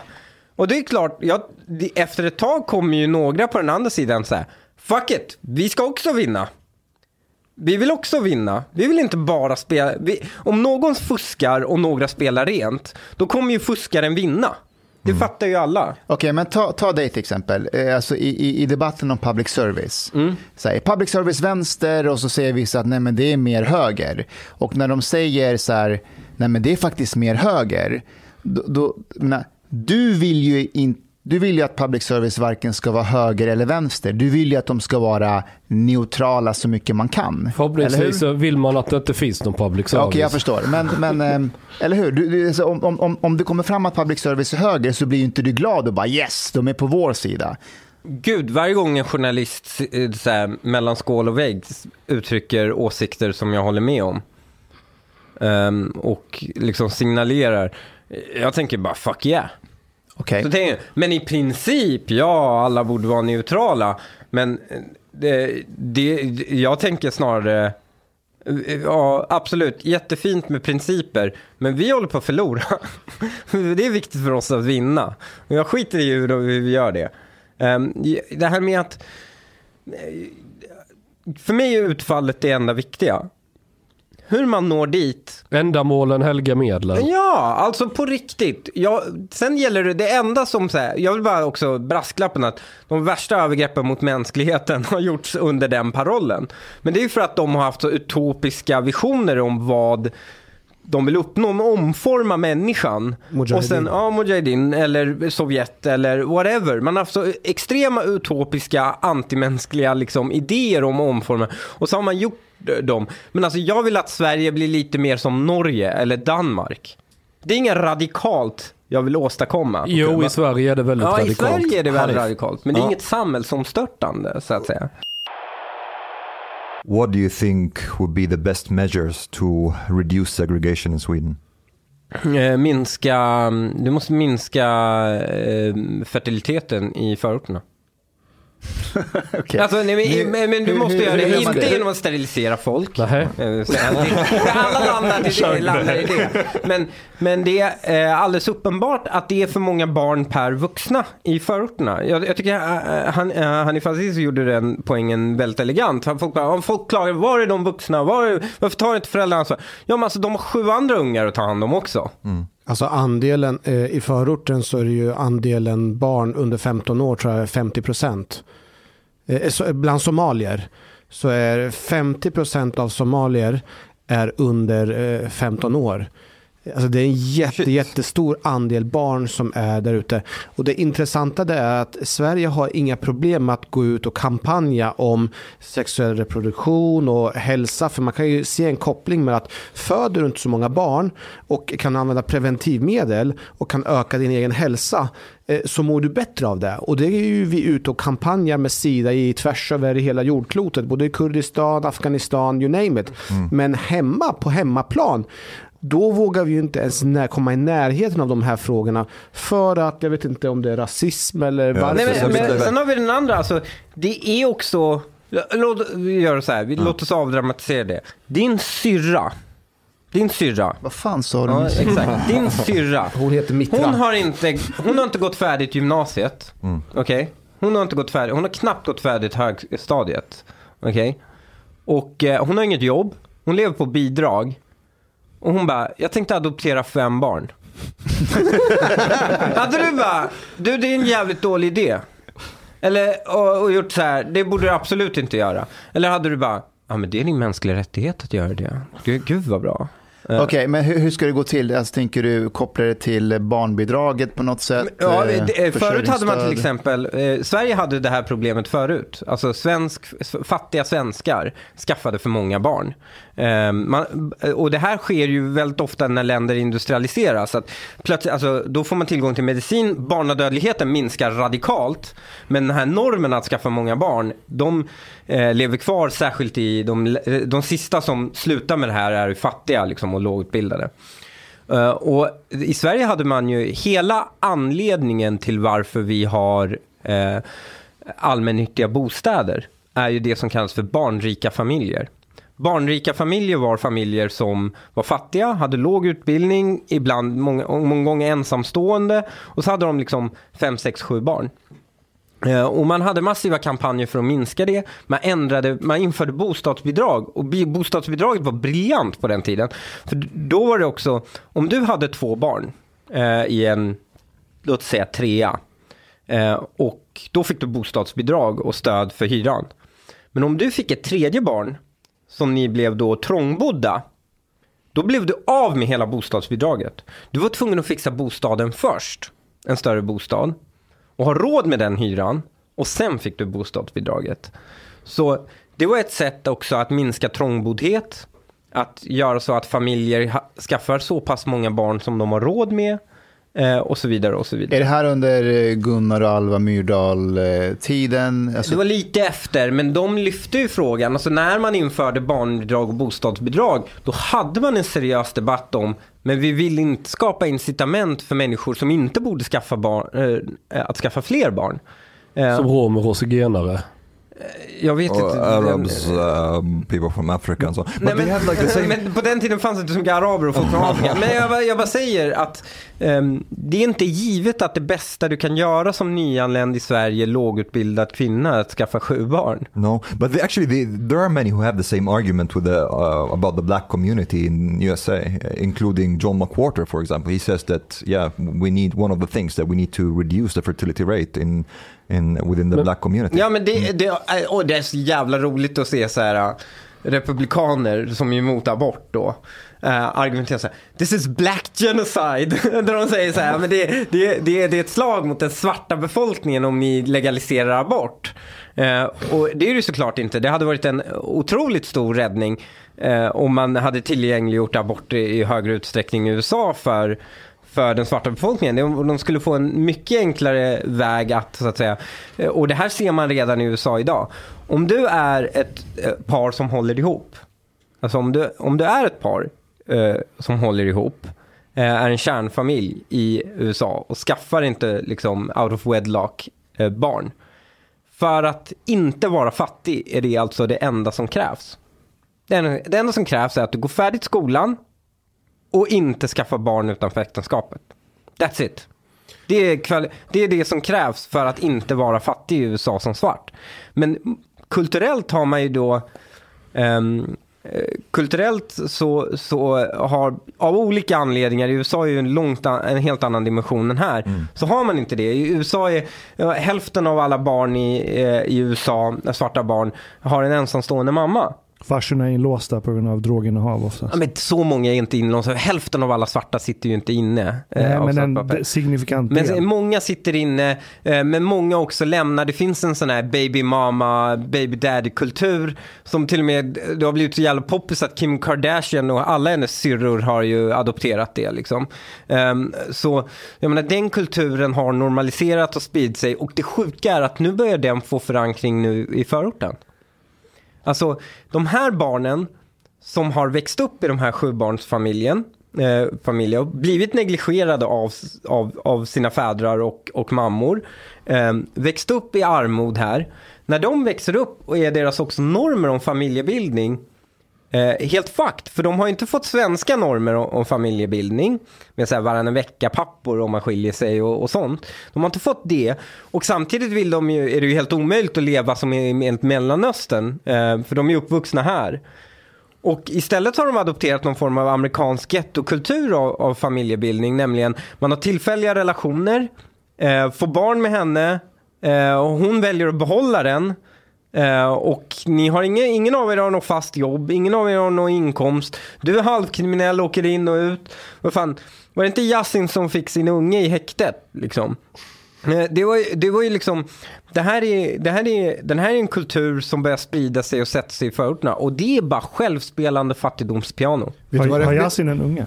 Ja, han, eh, det, var, det stod tidningen i alla vet, fall. vet du vad det sjuka är? Att de här, eh, framförallt de här gangsterkillarna, Mm. eh, in, alltså man tänker sig så här att de träffar tjejer i sin omgivning. Men eh, den här gangsterkulturen börjar sprida sig så pass mycket så att de här börjar ju bli inne bland mainstream-tjejer. Ja, ja, ja. Så att många av dem har ju svenska flickvänner och vi hade ju någon tjej nu i Umeå som blev knäppt. Mm. Det är också kopplat till gängkriminaliteten. Mm. Exogami. Nej men, ja, eh, men det här är ju också, det finns ju en tanke i Sverige som är helt felaktig. Nämligen att eh, integrationen går ju bara åt ett håll. Fattar du? Invandrare kan ju Right. bara bli svenskar. Men det räcker ju att titta på den här Einar.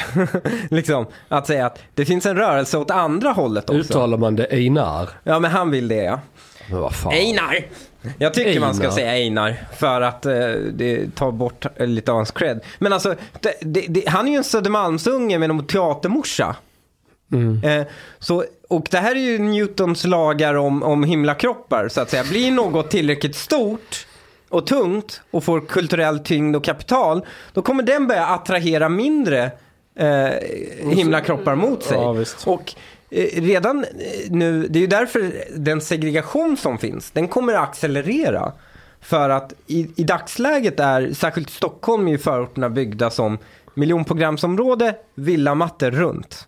De villamattorna runt, de grabbarna som bor där och tjejerna som, de kommer tycka att de här killarna, tjejerna kommer tycka att de här killarna är coola.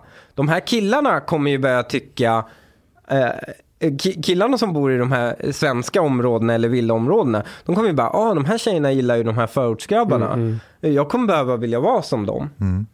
Och då får du ju en spridning av den här Det där är du kulturen. inne på något väldigt intressant. För på det sättet så styr ju tjejer vilken kultur som blir den dominerande. Absolut. But sexual Ja. selection is very Och här kommer vi tillbaka till varför Mo- Moderaterna som parti är ett sånt jävla gäng fitt. Nej okej, det beror mycket på att många Moderaterna bögar. Men om vi bortser från... Vad gillar fan är det katter. här? Ja men det, det, det är katter också. sant. Vadå är bögar? Vad har det med saken Skitmånga att i? Moderaterna bögar men, Ja men vad har det med saken att men göra? i alla fall de som Vet du inte... vad bögar inte gör?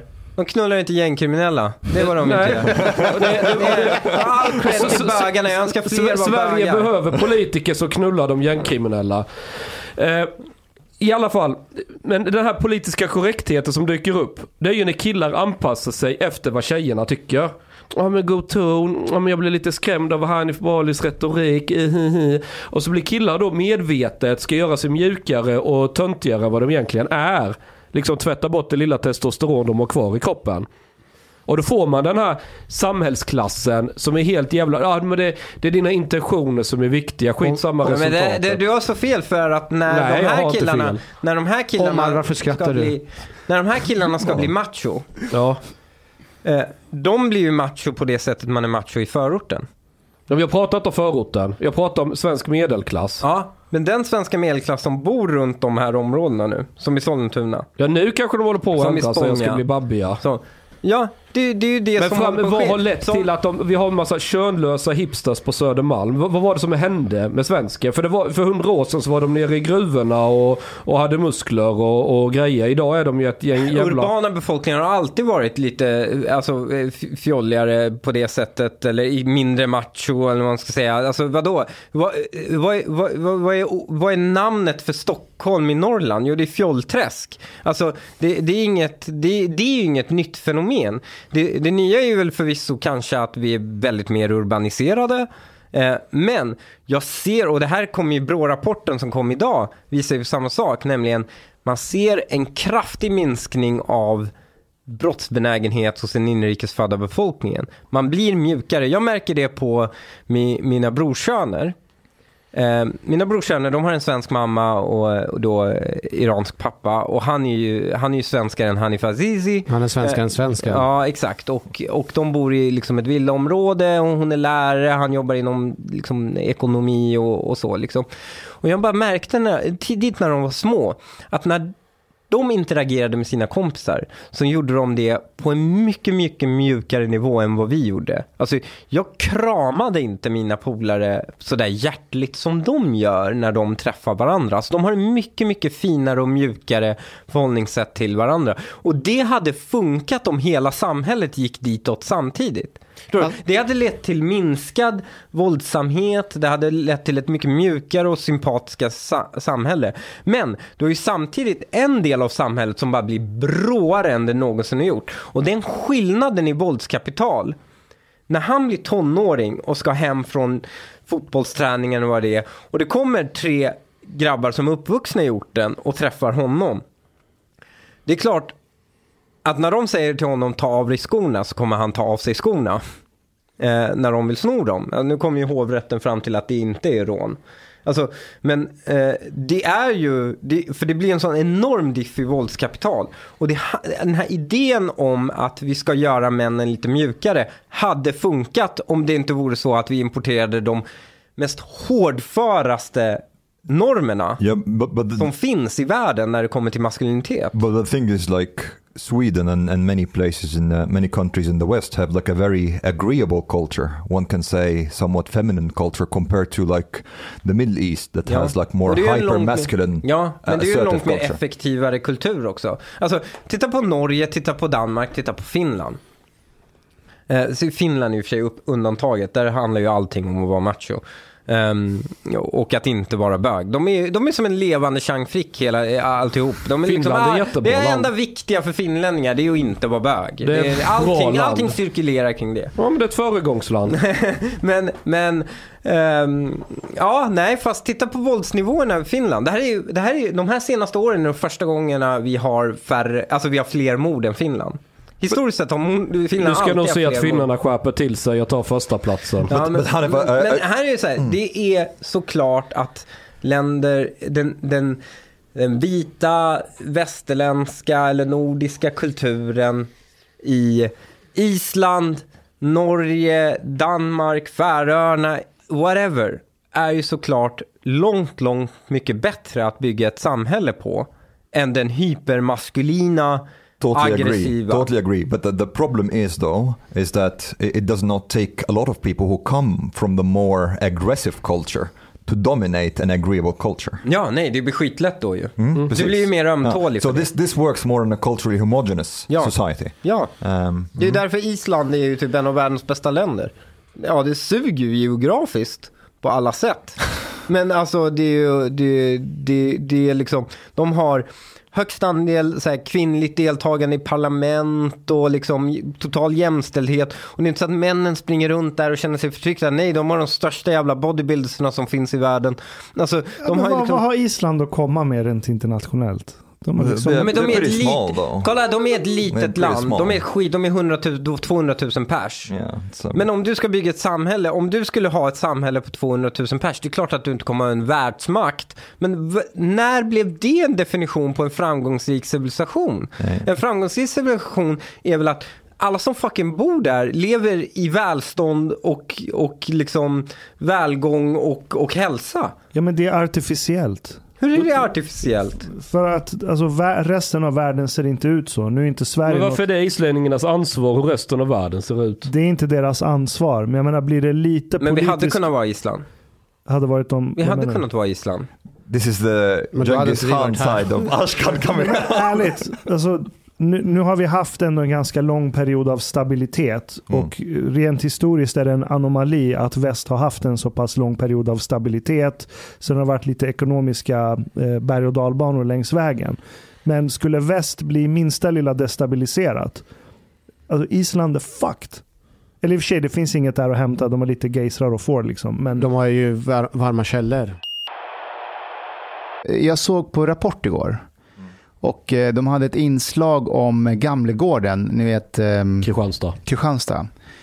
Och Mina jag ser det här hus. inslaget och det, och det slår mig att alltså, hade jag sett det här inslaget för nå- ett par år sedan så hade ju jag hade, det hade liksom förstört min alltså, vad är det som händer. Men nu var det så här, ja, jag ska iväg nu och, och, liksom, och, och träna. Men, men titta på det här och bara den är lite lång men Det har snart gått en månad sedan tre personer skottskadades allvarligt när de blev beskjutna mitt på eftermiddagen utanför Gamlegårdens centrum i Kristianstad. Ännu har ingen gripits för dådet och för de som bor och arbetar i området är ingenting längre som förut. Här har vi fått ett litet titthål då, så man vet vem som är på andra sidan dörren. De lagar mat åt förskola och äldreomsorgen och ligger ett stenkast från Gamlegårdens köpcentrum i Kristianstad. Efter skjutningen den 3 augusti, då tre människor träffades av kulor utanför köpcentret, så är de rädda. Dörrarna är alltid låsta. Och eh, vi har fått ett sånt här trygghetslarm som vi kan ringa på ifall det är någonting. Stämningen är ju förändrad. Eh, människorna eh, finns inte här i samma utsträckning. Det är ödsligare. Hon bor i Gamlegården och har jobbat på biblioteket i omgångar. För sex år sedan hade de öppet 34 timmar i veckan. Nu bara 18 timmar för allmänheten eftersom det varit stökigt. Hon berättar om en tråkig utveckling i stadsdelen med mycket narkotikahandel. Hur märker du av den här droghandeln själv? Och den sker öppet in, inför alla. Bilden bekräftas av en narkotikapolis vi pratar med men som inte vill medverka med namn och bild. Tror jag Och narkotikapolisen. polisen beskriver ett närmast hopplöst arbete med att få bort droghandeln, hur det hela tiden kommer nya säljare, att de inte bryr sig om straff eller är rädda för polisen. Vi har ju tjatat såklart om fler poliser. Eh, och svaret man får är ju att de resurserna finns inte. ما احس بالامان برايك الحل والله الحل على طول تكون الشرطه هون Jag har Arabiska. försökt slå Vad säger han? ris om Han säger mig. resolution Hon bor i that, uh, the utkanten av police should always området be och here. trivs bra. Jag älskar det. Det kommer ändå närmare och närmare. När man inte ens en gång kan gå bort till butiken här och handla. كيف شايف الوضع هون مزري جدا han har inte än, men någonting. Han vill flytta, Efter skjutningen har polis tillfällig förstärkning i Gamlegården. Här finns ordningsvakter och väktare sedan innan. Kommunen har mycket insatser och det sätts in mer, men i det stora köket som numera är låst, tillbommat med säkerhetslarm, så beskriver personalen en vardag som är långt ifrån rimlig. Jag vågar inte ha öppet mer och får inte heller ha öppet mer. Allihopa har väl haft lite ont i magen och gått och oroat sig vad som ska hända härnäst liksom. Det är lite kul. Så Just, till frågan till vem som ska efterträda Stefan Löfven. nej, men just, just Gamlegården ligger mig varmt om hjärtat. För när jag var med i MUF så hängde jag skitmycket på Gamlegården. Jag kände typ fan hälften av folk som bor där, även än idag. Jag kommer ihåg poddavsnittet när jag ringde Amir. Det var typ dagen innan de sköt där. Och så snackade de med Han bor mitt i Gamlegården i en av de miljonprogrammen. Och det här är en kul anekdot. För var, år 2007 eller 2008 när Niklas Wykman var ordförande. Så var han nere i Kristianstad. Då var det stora diskussionen att ja, SD har gått jävligt framåt här. Fan, det här kan ju potentiellt bli ett hot. Vet du, man väntar valet 2010. Och så var Mo- Mona Sahlin nyvald eh, ordförande i sossarna och hon kunde eventuellt vara farlig och det här. Så man, men i alla fall när diskussionen kom in på hur man ska stoppa SD så tog jag upp det. Ja, men, jag var typ den enda i hela jävla MUF Kristianstad som kände folk i Gamlegården. Någon av de andra skulle aldrig sätta sin fot där. Jag, bara, jag snackar mycket med folk där. Det håller på att gå åt helvete här. De vill ha lite hårdare tag. Och det är ju gammal högerpolitik. Kom igen, kan vi liksom inte bara styra upp den här skiten och gå till val på Liksom, för det här kommer ju bara bli värre. Alla säger att det kommer bli värre. Och nu pratar vi 2007. Då ylade, jag kommer minns, jo jag tror Wykman och några till att nej partiet har bestämt att vi är för mångkultur och passar inte det så kanske det är bättre att du går med i SD. Jag, bara, men jag har inte ifrågasatt mångkultur, jag har bara sagt att det finns ett problem här i förorten. Vi ska inte prata om det, punkt. Så var det då. Och nu är det så himla kul att se detta för att nu är alla bara åh nej, hur har det kunnat bli så här? Och det här är ju inte specifikt, nu ska jag inte bara skälla på Moderaterna för att han är för här. Men så här var det i alla partier. Och det som ledde fram till detta, man, var- man var rädd för media. För det var ändå, alla i Moderaterna fattade även då att jag hade rätt. Men de Nej, jag tror inte det. Jag ja, Okej, faktiskt vis- inte det. vissa var nog rätt så Ja, hjärntvätt. jag tror. typ, vad heter hon, Moa Berglöf och de där idioterna. Men Jo, många i Kristianstad fattade. Jag Nej, vet. Kristianstad tror jag, men alltså ja, inte men okej, kanske inte högre upp fattade man inte. Men vad man framförallt rädslan handlade om. Det handlade inte om sakfrågan utan vad kommer media skriva? Och kommer sossarna attackera oss? Man var så jävla rädd för kritik och det där lever kvar än idag. Det finns typ bara, det är väl bara Hanif Bali, Moderaterna som vågar liksom fightas med sossar och andra. Eh, på sossars eget vis. Moderater och även KD-are och, och snart fan SD också. Ska ju sitta så himla snällt i båten och man ska spela spelreglerna och god ton och hela det här köret. Samtidigt dör bokstavligen ungdomar i förorten och det skiter man i. Det Men- viktiga är det men- egna tonläget. Men det här är ju också, alltså är det inte ganska sjukt att jag kommer ihåg när jag var liten och kom hem från skolan och satte på, vi hade bara ettan, tvåan, fyran och sen satte man på fyran så hade de en, en serie som här Boston Public. Kommer ni ihåg Ja, den? jag, jag älskar den. Mm. Och det var så jävla dystopisk. Alltså det var ju, det var ju helt sjukt. Alltså det var så här, de hade larmbågar i skolan och folk var inte ens där. Folk langade droger istället för att vara där och liksom. Och nu bara så här, vi är bara live reenactment. Sverige är just nu en live reenactment av Boston Public och The Wire. liksom. Och med så här, inte ens den mest frenetiska liksom SD-dystopin från 2007 hade räcker för att beskriva vad vi är. Alltså vi har ju totalt normaliserat något. Om du hade, fan fyra år sedan, eller sju år sedan, sagt så här, så här kommer det vara. Så här, eller så här kan det bli. Så hade du blivit beskriven som helt jävla galen rasist ju. Får, får jag bara beskriva aktuella ärende som vi jobbar med idag, Mm. i, i måndags. Då är det elever på skolan, det här är helt sjukt, blir beskjutna, förvisso med luftgevär. Men de går i skolan, läraren är i klassrummet, Vilken årskurs? det här är femman, 5A. Så blir, de, blir eleverna beskjutna under lektionstid. What the fuck? Polisen kommer dit i reflexväst och ska ta upp en anmälan. Då är det någon som skjuter Polisen. på läraren. Alltså de skjuter läraren när polisen är där. What the fuck? Och alltså det är helt sjukt. Så i, igår så var jag och jobba. Eleverna hade lektion. Men vi var tvungna att, vi var tvungna att gå in och göra en brottsplatsundersökning i, i klassrummet och på eh, skolgården. Det, det, Och- och- det är Boston Public. Och eh, jag pratade med eleverna så här, är du orolig? Eh, nej men min stora syster kommer och hämta mig och Alltså det är så här, alltså jag, man blir ju knäpp i huvudet. Nu är det liksom... Alltså, kan du verkligen blame förortsbor att de sätter sina ungar i salafistskolor då? För ingen gör sånt i salafistskolor, det kan jag garantera dig. Jag säger det, ordning och reda där. Men vadå, ska du väl förstöra salafisterna? Nej, jag bara säger! Jag har fått äntligen rätt i angående de här friskolorna. Nej, Nej men helt, ä- helt ärligt, helt ärligt. Det, det säger ju allting om, om vilket jävla tufft val som står för de här föräldrarna. Det är så här, antingen sätter du ungen i en jävla salafistskola eller så kommer den bli så här gängslödder i den kommunala skolan. But, but Hanif, speaking of, of schools, uh, there are some policemen who say that it's actually good to close down schools in utsatta områden. Ja, ja and- men det har vi tjatat Yeah, om i but, but there's something that you are critical to, which many say actually is a good solution.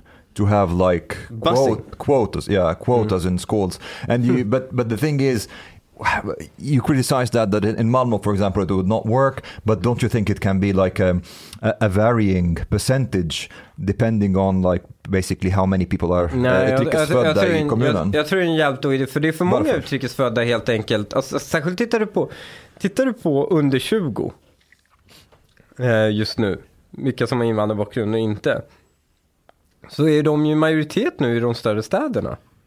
Så liksom var ska du, var ska du eh, kvotera ut dem? Och fyller du en svensk skola med 50% invandrare, det är ju inte så att de 50% kommer bli svenskar. Det är ju inte det som är den dominerande kulturen då. Det, Dominanta. det kommer bli tvärtom. Det kommer ju tvärtom, svennarna kommer ju bli ortiga. Det är ju det som kommer ske. Alla vet ju att det är det som kommer ske. Och det är därför föräldrar reagerar som de gör. Det, det- det var ju den här diskussionen, var ju den här skolan, fan vad det var i Filipstad. Då, då man skulle slå ihop två skolor och en hade invandrare. Alltså en, en var så här 20% invandrarbakgrund eller 15 eller något sånt. Och den andra var så här 80. Och då skulle man slå ihop de här skolorna. Och föräldrarna var emot det. Och, och det är Gjorde inte uppenbart. de olika ingångar? Typ svensk ingången till skolan. Alltså på riktigt. Och invandraringången. Ja. Ja men de hade ju det till skolan. Alltså, Jo, jag lovar. Det var ju... De skrev ju om det. Alltså det intressanta är att du fick, också, du fick exakt samma effekt faktiskt när eh, det kom väldigt många afghaner. För då var det så här, det var ju en substantiell andel av års, jag vet inte vilken, det var 99 eller 00 som var afghaner. Och då blev det ju inte så att så här, till och med i de invandrartäta skolorna, då var det inte så att det blev så här, nu blandades alla upp. Utan det blev så här, där är den afghanska ving, vingen av skolan och här är alla andra invandrare. Jag minns det när jag var ute och på skolor och föreläste. Alltså, Mm. Afghanerna, antingen var de en stor klunga tillsammans eller så hade de en egen byggnad liksom, där de hängde.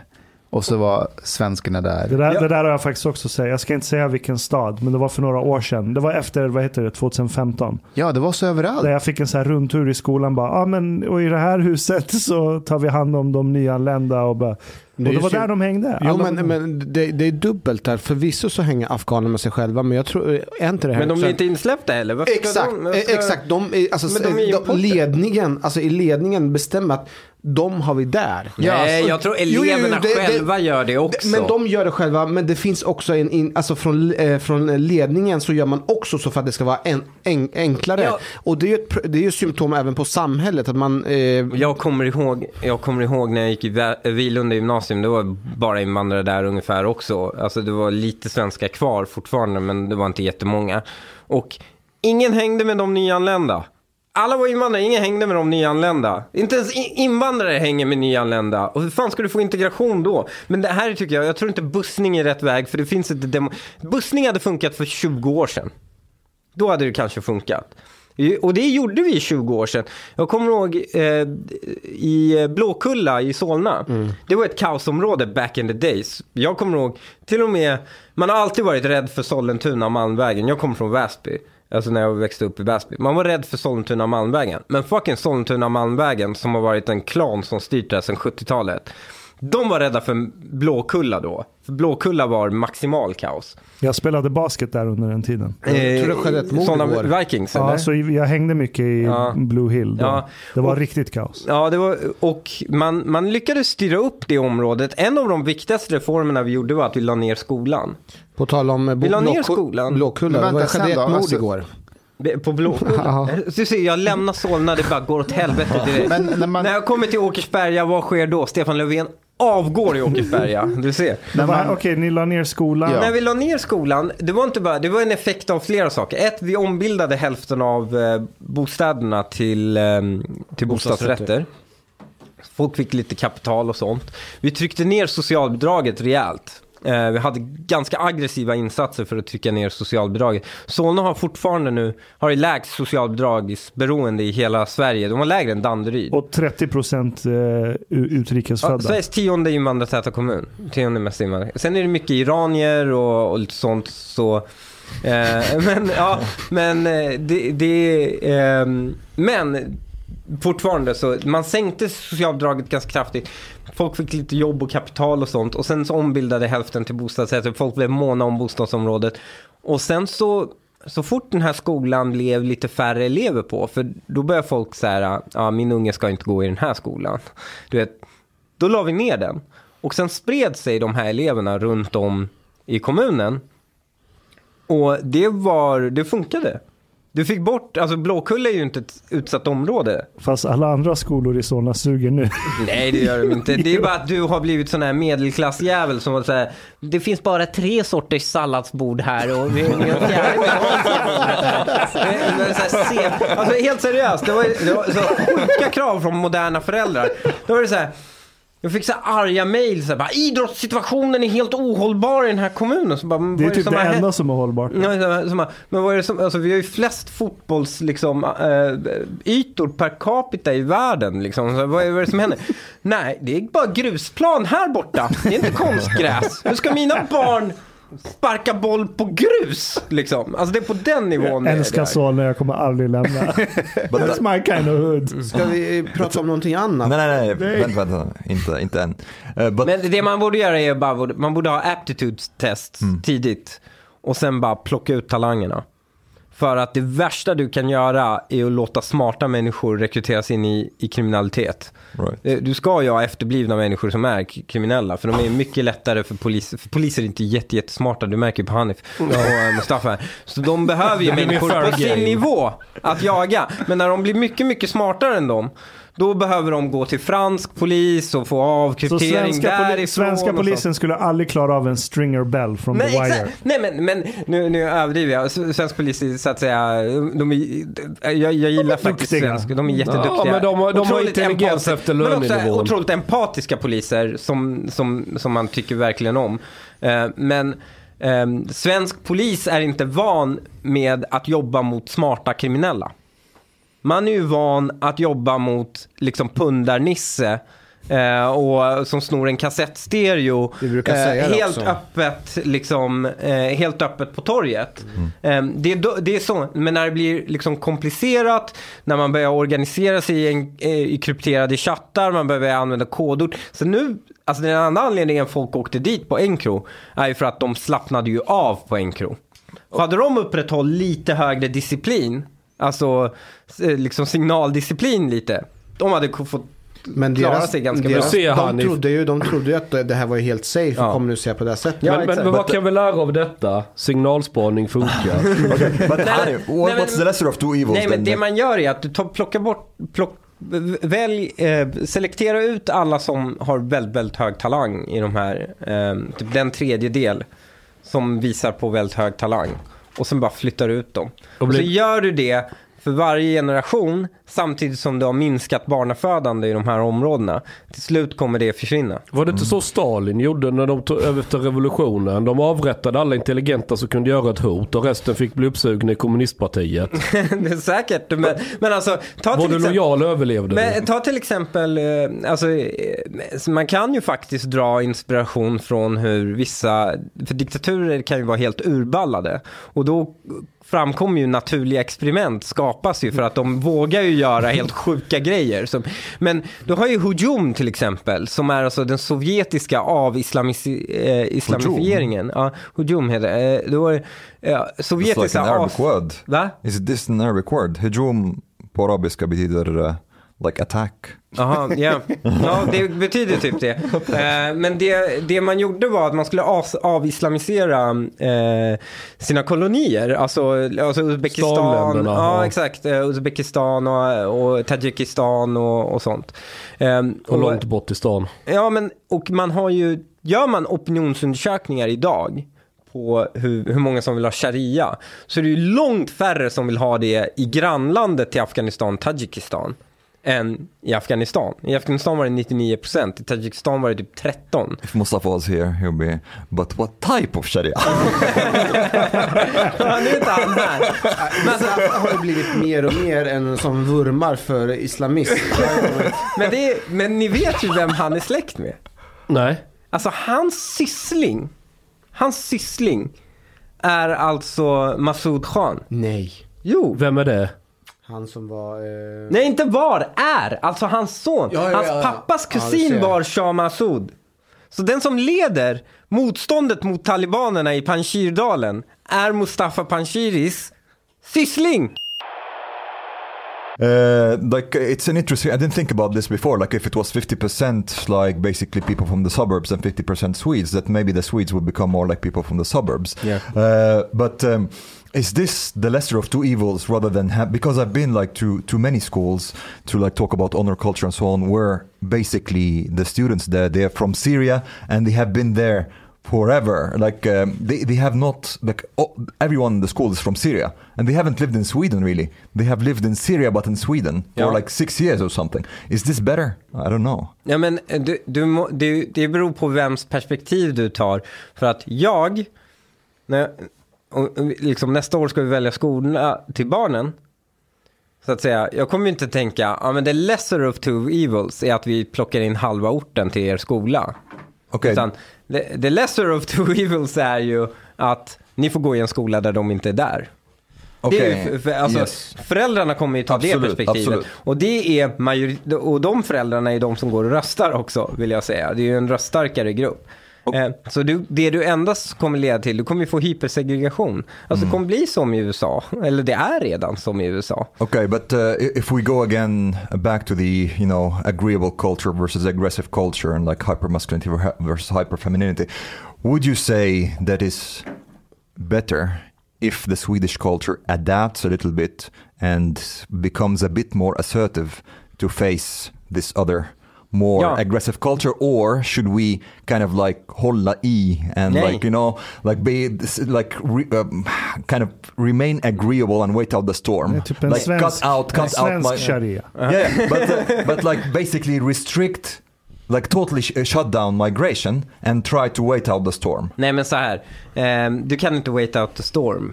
Alltså det, det, det går inte. Den är tillräckligt stor nu för att ha nått så här kritisk läge att den liksom. Det, man brukar ju ha det med kemiska reaktioner. Att du värmer upp någonting. Och sen när du stänger av den här värmen så spelar det ingen roll för den har nått kritisk massa liksom. Så värmer den upp sig själv så då fortsätter det. ja. Och det, ungefär så är, är segregationen i Sverige idag. Nämligen även om du stänger av, du ska stänga av. Det är ingen, det är ingen idé att tillföra ännu mer värme så att säga. Det är ganska dumt att göra det. Men även om du stänger av så har den nått en kritisk nivå att den, den, den fortsätter brinna. Men det du kan göra är ju så att säga försöka cool it. Du, du måste nu manage. Nu är det så här minority management. Eh, och eh, då kan man ha olika metoder för att minska smällen. Men det kommer bli, det är en smäll. Den kommer, det, det kommer vara ett problem. Men här tror jag också ehm, eh, eh, ett bra sätt tror jag att, att då minska migrationen, förutom alltså, är ju att minska migrationen, men ett bra annat sätt att minska segregationen, plocka ut talangerna, skapa bättre möjligheter för dem att försvenskas. Men jag håller med om att det här med assertiveness, alltså att man ska bli lite mer dominant i sin kultur, det är ju vad jag är. Om du tittar på mitt sätt att vara och min retorik, det är ju att vara, det är ganska osvenskt, men det är ju att vara aggressivt svensk. Det är ju... Aggressivt svensk. Ja men det är ju den aggressiva kultur, alltså det, jag ser ner på ehm, jag ser ner på den här eh, gettokulturen som finns på ett otroligt aggressivt sätt. Ja. Jag kallar dem för Adidas-slödder. Jag vill inte ha dem nära mig. Jag signalerar med all form av styrka att jag inte tolererar det. Eh, och eh, ja, Gopniks tycker man ju inte om heller. När Chang sitter där med sina Adidas. Nej. Adidas. Men det här är, här är också så här, det, det var så jävla sjukt. Kommer du ihåg den här diskussionen som blev häromdagen med Wittfeldt som hade, Jörgen Wittfeldt hade Ja. skrivit att han hade suttit i en, i en eh, pizzeria. Och sen hade han varit med sin dotter. Och han kände inte igen mig när jag kom in där. Ja, men, nej men sen var det någon ortenkille där som, som, han skrev ju inte ut så här, ja det här var hans fenotypiska anseende, utan han bara, ja men en kille med äh, mjukisbyxor och attityd. Det var så han skrev om det. Och alla fattade ju att det var en omskrivning. Han menade ju en, en blatte liksom. Eh, och en ortengrabb. Och, eh, och han säger så här. Det är ändå sjukt att tanken slog mig att här kan han bli skjuten. Alltså, det kan vara så. Att han, och även om han inte trodde att det skulle bli så ske, att tanken slog honom var ju, det var ju det han reflekterade hur sjukt det var att tanken slog honom. Det var ganska milt sagt. Och sen skulle alla låtsas med att säga, jag har på mig mjukisbyxor, betyder det att du är rädd för mig? Som om de inte, alltså i det här landet, i det här landet, så, så dyker någon upp i bomberjacka och jeans, då fattar vi ju om den är nazist eller inte. Du fattar ju om någon är nazist eller inte, alltså på, baserat på dens klädsel. Men det är ju jättemånga bomberjackor som säljs på H&M. Det, folk går inte runt och tror att de är nazister för det.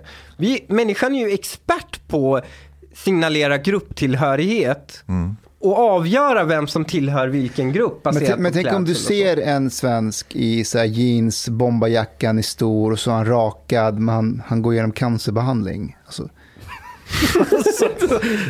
det vet du ju Du inte. ser ju också om någon har cancer. Det, är, alltså, det här är samma sak. Men vadå, du har, folk la upp bilder på mig när jag hade på mig Adidas. På gymmet.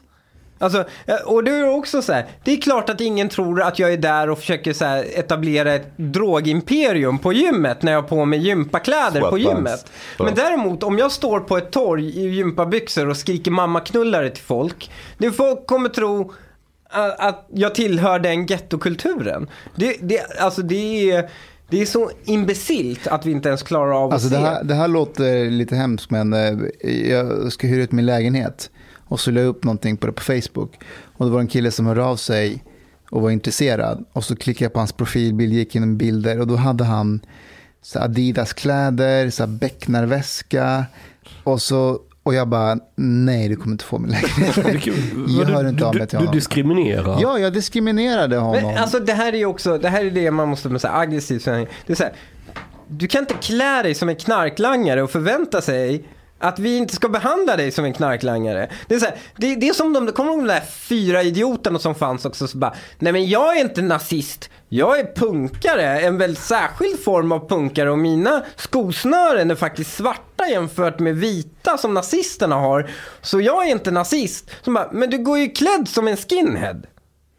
Det är liksom, att du är en antinazistisk skinhead är alltså ditt problem. Det är inte, så här, det är inte, det- jag har all, så att säga, rätt i världen att bli rädd för dig när jag ser dig på tunnelbanan en sen natt. Men jag lyssnar faktiskt på ska. Ja, exakt. De idioterna. Det här är ju motsvarigheten. Så här, jag går klädd som en knarklangare, jag pratar som en knarklangare, jag, jag, liksom, jag, jag eh, liksom adopterar hela den här gängkultursestetiken.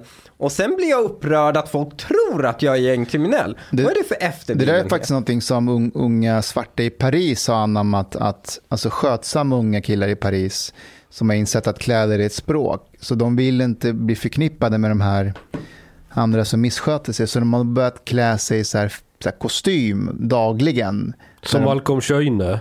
Ja, men, Tjej-Une. Schöne. Ja, men han så när de går längs Paris Så det är hans gator. kostymklädsel, eller, eller det är den här vänstervarianten, att den är alltid skitig och lite Ja, fel. Du, du har en syssling som tydligen är en islamisk krigsherre i Afghanistan. Tackar Panjshirdalen. Hanif Bali för det.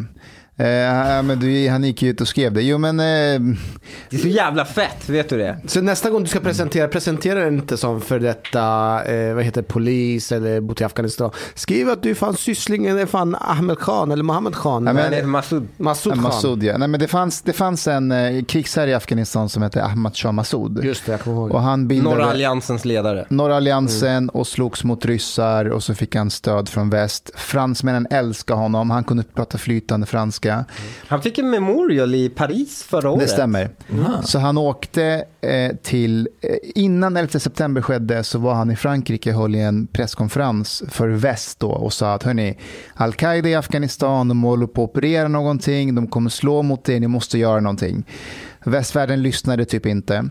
Och två dagar innan 11 sep- sep- september skedde, då var det eh, Al-Qaida-agenter som klädde sig till journalister och ville ha en intervju med honom. Och de kom in i Panjshirdalen då. Och så hade de självmordsvästar på sig. Eller de hade, själv, de hade bomb i kameran. Just så var det. Och så dog han, dödade de honom. Men det, Panjshirdalen eh, ligger typ två, tre eh, timmars bilfärd från Afghanistan, eh, från Kabul norr. Och det är liksom en dal som... ehm, Det är din dal. Det är det min inte? dal. För Eh, Du heter ju Panshiri. precis. Och din, din, dina släktingar är krigsherrar över Ja. det området.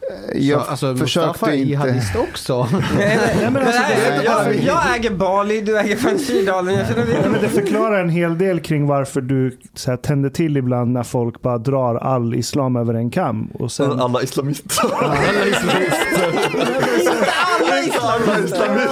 och, och sen, sen när någon lyfter fram någonting som är moderate inom islam, då brukar det så här glänsa till i dina Ja, men lite ögon så. och du blir mjuk. Och Men här. Men Ahmad det här är ju, det, jag vill bara, vi måste nyansera bilden av de här lite. eh, För Ja, att, ja. alltså, Men hette eh, de inte Hezber i islam? No, de är, alla heter så. Det finns inget parti i Afghanistan som inte har islam i sig, förutom typ talibanerna, för de behöver inte det. Men alla andra men, alltså, men alla har något med islam i sig. Alltså, glöm inte Afghanistans officiella namn.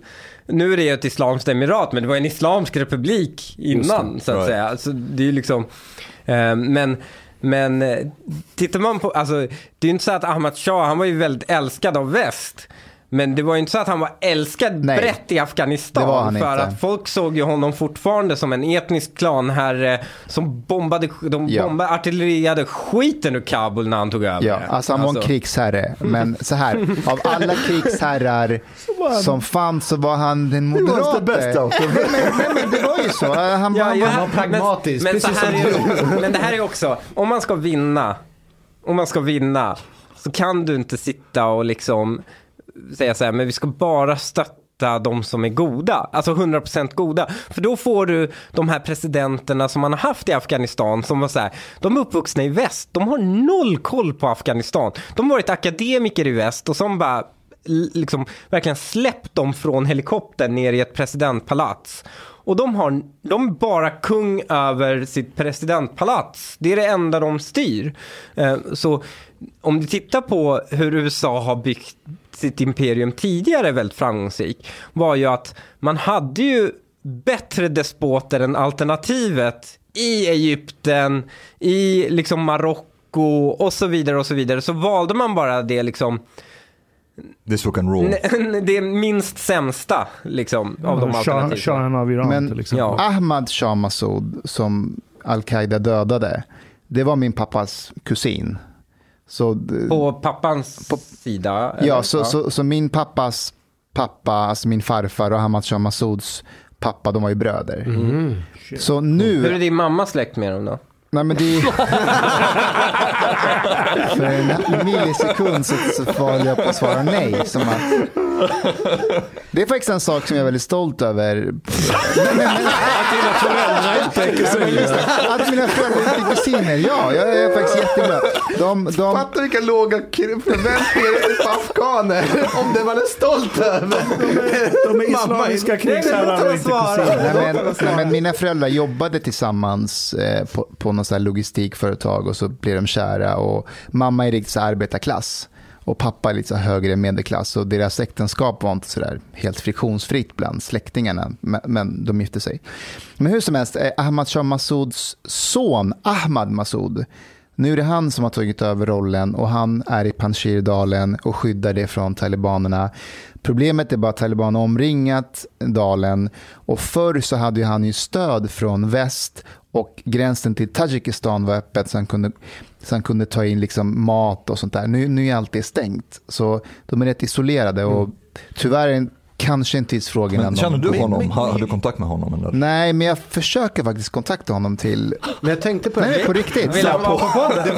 Nu när han är kändis, han bara, "Ey, Nej, nej, men min, alltså, min, min pappa var ju i Kabul bara för någon månad sedan. Och han var ju där. Han, han, han, alltså, det är ju hans Nej, släktingar. men Jag om, om, på att de Gud, skrev- om Gud vill så kommer Panjshirdalen också klara sig. jag. Alltså jag hoppas verkligen det. Men, Men du har ju eh, fyllt år nyligen. Va- varför säger du inte att du fyller, varför håller du det hemligt? därför, Dels att du har fyllt år, men dessutom också, jag såg att du la upp att du har hållit på med din bok, eh, du har fått Ja, kopiera ja, men ni är alla välkomna. Du fick ju också en inbjudan, Ja. Hanif B. Vi vill eh, jättegärna eh, fira dig Så i vi, förskott. Dels att vi, du ska få en present kopplat till att du har fyllt år, men också förskott inför boksläppen. Eh, Ashkan har tagit sig tid. Ashkan, ska vi göra det nu?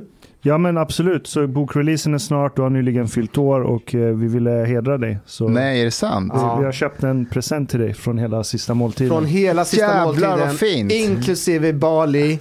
Vad är du också med? Jajamensan, han är med också.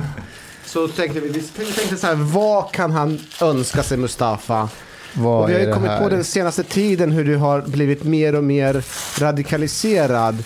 Så därför så har du nu fått en... en koranen ja, passar alldeles utmärkt. Men är det här på Dari? För jag kan inte arabiska. Give, give, me, give me a match. matches in bucket. Ta ifrån! Give me matches in a bucket. Nej, den är, det är på arabiska men det står på enkel engelska bredvid. Så att Hörrni, det, här är, det här är bland den finaste presenten jag har fått. Alltså på riktigt. Okay, Jag, but but also I think I think Mustafa, we kind of like were thinking about it. You're going around saying you're like you Muslim, Muslim identity, and so on. And we thought it was time that you read the Quran. Read it first and make up your mind. det viktiga är inte vad som står här. Min pappa brukade säga att det viktiga är inte i Koranen, det viktiga är ditt hjärta, brukar han säga. När han stod och bad i, på bönemattan med så här handduken kring sina, precis efter duschen. Då insåg jag hur så här ryggradslös religioner är. För han stod ju bara över kropp och bad. Vadå, får han inte vara naken inför Gud? Äh, lite över gränsen och stå i... Ja. Hörni, Chang men fan tusen har varit tack. tyst för länge. Fan Chang, vad händer? Hur mår du? Jag skulle vilja prata om Moderaternas internkultur. Okej. För eh, Är, det inte väldigt mycket så här penalism och grejer när folk inte sköter sig eller anses sköta sig? Jag vet jag tror, nej, inte så jättemycket. Det är snarare passivt aggressivt, precis som allt annat i Sverige. För det är, för, Jag tror det är bara svenskt. Jag tror inte det är så mycket moderat. Någonting som har stört mig. Vadå, En, hur, är, hur, är det, hur är SD när man inte har skött sig? då brölar Björn Söder på skånska och så får du ett brev att du är utesluten. Ja. Det låter ganska penalistiskt. Det, det, ja, det, ja, men det måste det vara. Det är ju ett parti fyllt av, jag menar det är ju folk som knappt fixade grundskolan ju. Men i- i- så här, det är det som har stört mig jävligt länge. Det är inte sjukt att han får säga så, men skulle någon annan säga så? Jag vet. Då skulle man ju Den få... här podden har bara gynnat Chang Ja. och missgynnat oss alla andra. Han, han, han Jag, jag är helt okej med det. Jag är helt okej med det. Men fått, hade någon annan sagt så ja här ser du föraktet mot Sverigedemokrater och så. Alltså du hade ju fått jag vet, en... eh, han kommer undan, han kommer med, undan han kommer med undan med betydligt mer än vad någon annan. Det gör jag. Du hade... Du kan inte göra ett skit åt det. Ja, Och verkligen. nu sitter han och skriver åt Fokus. Ja. Ja. Om kärlek. Ja. ja. Jag vet, ni, ni vill vara mig, men Vem ni kan är inte. du? Ja, exakt. Hur lyckades du? Hur lyckades du dupera alla de här, alla Jag- de jag här har blattarna du har runt dig? Jag har gått i den mest avancerade, eh, eh, vad heter det, spionskolan i Moskva. De har lärt mig exakt konsten hur man duperar och hur man... Eh, eh, han som inte skötte plugget det var Jegor Putilov. Men jag, jag var en duktig student. Kan inte du bara berätta hur, hur ni två blev anklagade för att vara ryska spanare? Men har vi inte alltat det här tusen Ja, jag gånger? orkar inte. Det, Ja, alltså, Alltså det, låt mig dra den snabba storyn. Chang delar ett, ett dokument till mig som han har begärt ut från UD. Alltså en offentlig handling. Eh, och eh, han säger så här, är inte det sjukt att, eh, vad hette han, det var, vad hette journalisten? Oksanen. Oksanen eh, har fått den här intervjun insålt av UD till sig. Alltså att UD, en officiell myndighet, säljer in ehm, De ber ledarskribenter liksom. De, de bad så. Oksanen göra en intervju som skulle passa ett visst narrativ. Och då, då min fråga till han, för jag ställde frågan till flera, Rebecka Weidmo Uvell, jag vände mig till eh, eh, han som är chefredaktör på, vad, vad heter den tidningen eh, i Göteborg? Hjärnsläpp. GP. Skit- Nej, nej, nej, den här, den som är bra, Filter. Skit, men jag, jag vände mig till flera Ja. personer. För, min, min Men, tanke var så här. men vänta, Ja. vad- som skedde var helt enkelt att då, då vad heter det, så, mm, så skriv, skriver jag till Oksanen, alltså bara så här, eh, jättebra intervju. För det var en bra intervju, det var ett intressant ämne och sånt. Det var Så jag krimaktivister. bara, men är är det inte konstigt att du inte är transparent om att det är UD som har sålt in? Brukar de, alltså så här, är Alltså offentligt skrev Alltså, du det. ja, alltså, jag skrev det offentligt, är det inte konstigt att UD, alltså att UD eh, har sålt in det här? Och sen skrev du något om att främmande makt kan utnyttja honom, men då räddade du honom från det. Det var någonting sånt. Nej, men nej, jag tror det var mildare än så. Alltså, så här. Och då var det så här. Och då blev det ett jävla liv, typ så här, vad har du fått tag på det här dokumentet? Och det här är det sjuka, den enda anledningen det blev en stor grej är för att jag inte var öppen med att jag hade fått, för jag skämdes för att jag hade fått det. Tack för den, tack, tack. Så då säger jag så här, nej men jag såg den i flödet liksom. Och det var ju, det är ju så här, ja men då har du ljugit. Och det är ju det jag åkte på hos partiet. Då var det så här, du, vi vet att du inte har avlyssnat UD liksom för en offentlig handling. Också, det var ju bara sossespinn att så här, det här är avlyssning. DN gjorde ju det så. Så DN drev ju tesen att det här kan ju komma från signalspaning. Typ så. Basera, och man hör av sig eh, så här, och så är det någon från UD som läcker att bara det finns inga läckor i UD, det här är från signalspaning. Säger en läcka på UD i DN. Det var briljant och ingen bara såg det uppenbart mot sig. Och så, så det är ju det är någon sossetjänsteman på UD som har liksom så här, sitter och läcker, snackar lite DN.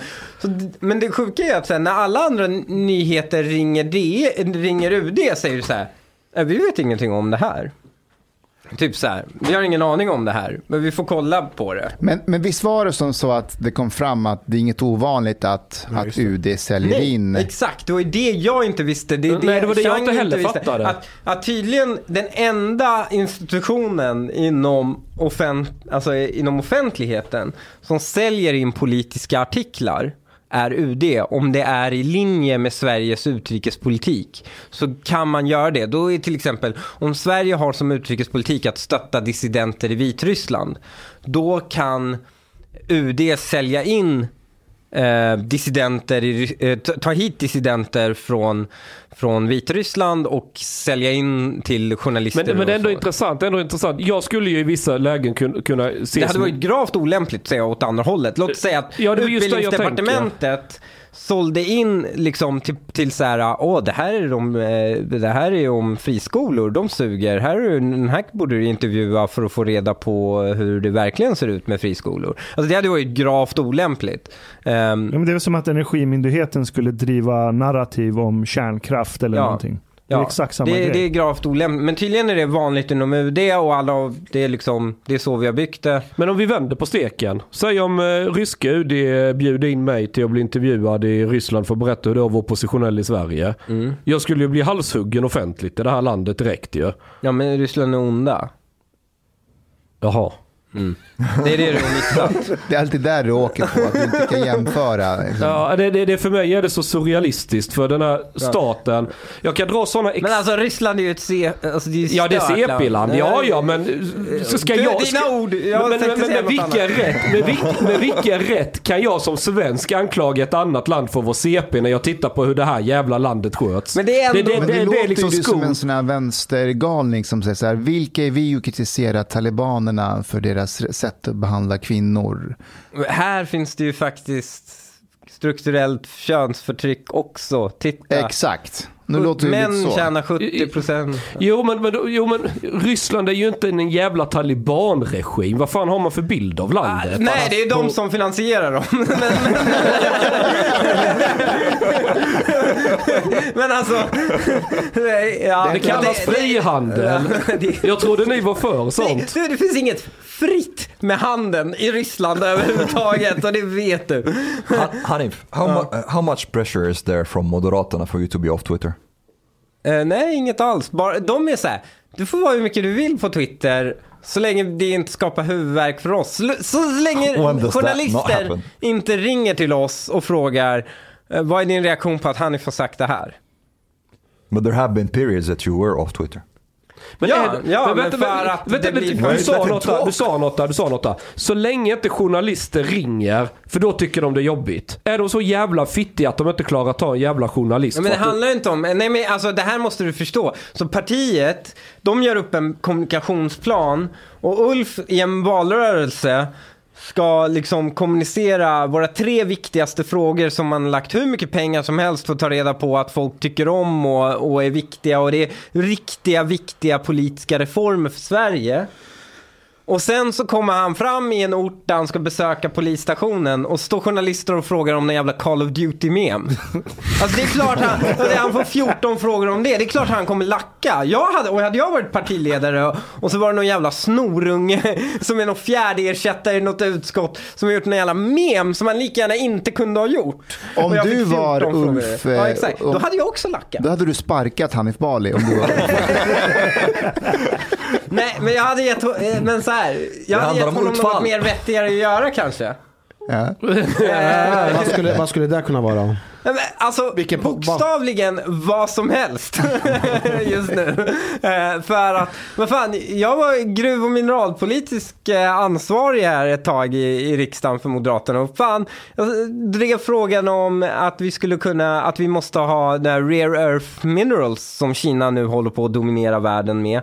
Eh, och som man använder barn, liksom arbetare i Afrika för att gräva ut med händerna. Vi har massor av sådana gruvor Vi har i Sverige. jättemycket barn Ja. i förorten ju, allting. Nej, men, men vi har ju jä- liksom jättemånga sådana gruvor här i Sverige. Men det lig- råkar ligga uran bland dem, som vi har för- förbjudit att man ska utvinna det. Liksom. Nej, men alltså, det blir ju inte lönsamt heller att gräva ut massor av uran och sen bara, nu ska vi stoppa tillbaka uranet. Då kan vi lika gärna bara, om du ska ta ut uranet som Ja, är det. smutsiga, då kan du ju använda det. Miljöpartiet vägrar skriva under pappren om slutförvaring. Ja, just det. Och det är bara dagar kvar till kärnkraften måste planera permanent nedstängning. Snackas det inom Moderaterna om det. Men du, Moderaterna har gjort typ 20 utspel om det. Varför ser man knappt något? Ja, Men jag inte, du, du som journalisten, det är väl du som ska ta reda på det och publicera det på din hemsida? Ja, det vi har skrivit om det, men i övriga Men mod- media, det, ja, men jag vet det inte varför det finns ett. Moderaterna, både, jag såg Ebba Busch Thor gick ut om det Ja. idag, och hon gick ut det för några dagar sedan igen och Moderaterna har också varit ute om det och, och, och ältat. För det, det, ni har Det är funderat... sjukt, Moderaterna lyfte det här redan i våras. Ni har funderade på det. Har ni SD har ju dragit igång en sån här Ni vet, mm. sån här YouTube-tv-kanal-ish. Fantastiskt bra kanal. Nej, den... Eh, Vilken kanal? Du är ju med där också. ja, ja, ibland eh, så intervjuar de mig. Jag, jag pratar med alla. Vilken kanal? Vad heter väldigt- den? Riks. Aha. Ja, men i alla fall, det som slog mig är, varför gör inte fler partier så här? Varför är det bara SD som hela tiden försöker liksom inte spela mediernas spel utan skapa ett egen jävla spelplan? Men är Är inte, den sista, är inte sista måltiden en kopia av det i Jag för det tror att... så, så här, så här, SD är ju liksom... Det är ju inte bara partiet. Det är ju Samnytt och Avpixlat och Flashback-trådar och en massa, alltså högt Nyheter idag. Nyheter idag, nyheter idag är väl mittemellan KD, Moderaterna och SD. Jag, jag kastar lika mycket skit på SD som jag kastar skit på dig och ditt parti Hanif. Så jag försöker... Du kastar aldrig skit på mig, du är så gullig. jag, jag, jag, jag, tror på, jag, jag tror på jämställdhet. Alla ska få lika mycket. Men varken KD eller Moderaterna är speciellt duktiga på det här skapa egna medieplattformar eller egna... Men det är för att vi fortfarande har tillträde till andra medier. Nej men sossarna, de har, det är de som äger typ SVT. Det är ju deras plattform. Är du med? De, de behöver inte... Ah, jag håller inte helt med ändå. Alltså tittar man på nyhetsmedierna, Aktuellt och så vidare, sure, det finns en bias tycker jag i val av frågeställningar. Men jag menar när det kommer tillträde till att när man gör politiska utspel och så vidare. Ja, nej, så där är det där ganska det jämnt. Ja, där är det fair. Men, Eh, men, som men, moderat, och eh, jag tror också det har blivit så lite med SD, nämligen att när det kommer till att kommunicera, när SD släpper sin budget så kommunicerar man inte det i riks. Utan man kommunicerar det till Aktuellt. Man, det SD Right. har hittat är att de kommunicerar med två olika så att säga, våglängder. En är eh, enkel, snabb information till låginformationsväljare. Och då använder de de här kanalerna. Och sen den andra är så att säga den politiska debatten i allmänhet till höginformationsväljare. Och det är smart. För det är så sossarna oftast har jobbat med, Precis. fast de har använt mer fackliga kanaler och annat Ja, sånt okej, för okej, att få ja. ut sin propaganda liksom. Honey, uh, what, what do you think about uh, Magdalena Andersson uh, compared to Stefan Löfven for example? Ja, men alltså det, det sjuka är så här. Stefan är ju inte en kille som har haft väldigt mycket starka egna visioner i politiken. Eh, Det har inte varit så att han har haft en väldigt tydlig agenda och det, då har inte de stackars andra ministrarna kunnat få igenom sina grejer för de har liksom för Stefan har varit i vägen. Och då undrar jag med Magdalena Andersson, vad är det, alltså vi i Sverige har jättestora problem, vad är det hon kommer göra med Sverige som hon inte kunnat göra de senaste åtta åren? Alltså, av alla de problem vi har som vi bör lösa. Om hon har en idé om hur man ska lösa dem, varför har hon inte kunnat få igenom dem? De senaste, det är en fråga som borde ställas, för hon är finansminister. Det är alltså den näst mäktigaste personen i landet. Den är, vissa säger den ibland till och med mäktigare än statsministern själv. För att du håller i pengarna verkligen. Eh, så frågan är så att säga, om hon hade velat lösa problemet med underskott hos polisen, då hade hon kunnat göra det de senaste åtta åren. Om hon hade underfinansieringen av, ehm, eh, ja, ta, ta, vad heter de, ehm, det, det största problemet, NFC. Det är ett jättestort problem. Folk sitter häktade hur länge som helst. Och det här är sjukt, varenda... Du jag- får förklara vad NFC är. Nationellt forensiskt centrum. Det är de som Jag tar du visste det. alla Ja. DNA-analyser, droganalyser och, och röstanalyser när man avlyssnar folk och, och så. Och alltså, det finns så här två, en och en halv tjänst i Sverige som kan ha, som har kompetensen att identifiera vilken röst, Eh, alltså att två röster är samma person i det här landet exempelvis. Så det fanns ju, det var ju en sjukt stor domstol där sjukt många eh, gängkriminella blev friade genom att de bara satt tysta i hela domstolen. Så då kunde man inte avgöra vad de hade för röst. Och poliserna som hade fått uppdraget att identifiera, bara, då, det enda advokaterna bara, vad är din kompetens i det här området? Han bara, nej men jag är nybakad från polishögskolan. Så bara, jaha, så har du den kompetensen som krävs? Och vad var det för hertztal på dina hörlurar? Jag vet inte vad det är. Ja, okej. Eh, tack. Och sen så gick alla fria. Så de kör, körde en omvänd filibuster. Ja, de, blev, de var bara helt tysta. Och, Genialiskt. och NFC hade inte resurserna att, att transkribera så mycket material som man hade. Um, så, uh, och väldigt många sitter häktade otroligt länge och det är den enda orsaken till att de inte domstolen går vidare är för att åklagaren bara väntar på svar på NFC. Vänta på svar på NFC. Om, var, varannan vecka är det ju häktningsförhandlingar. Och det enda som sägs är vi väntar på svar på NFC. Enormt underfinansierat, enormt eftersatt. Um, och det här är det sjuka, man märker, jag, jag, jag och tjejen brukar somna till eh, rättegångsinspelningar.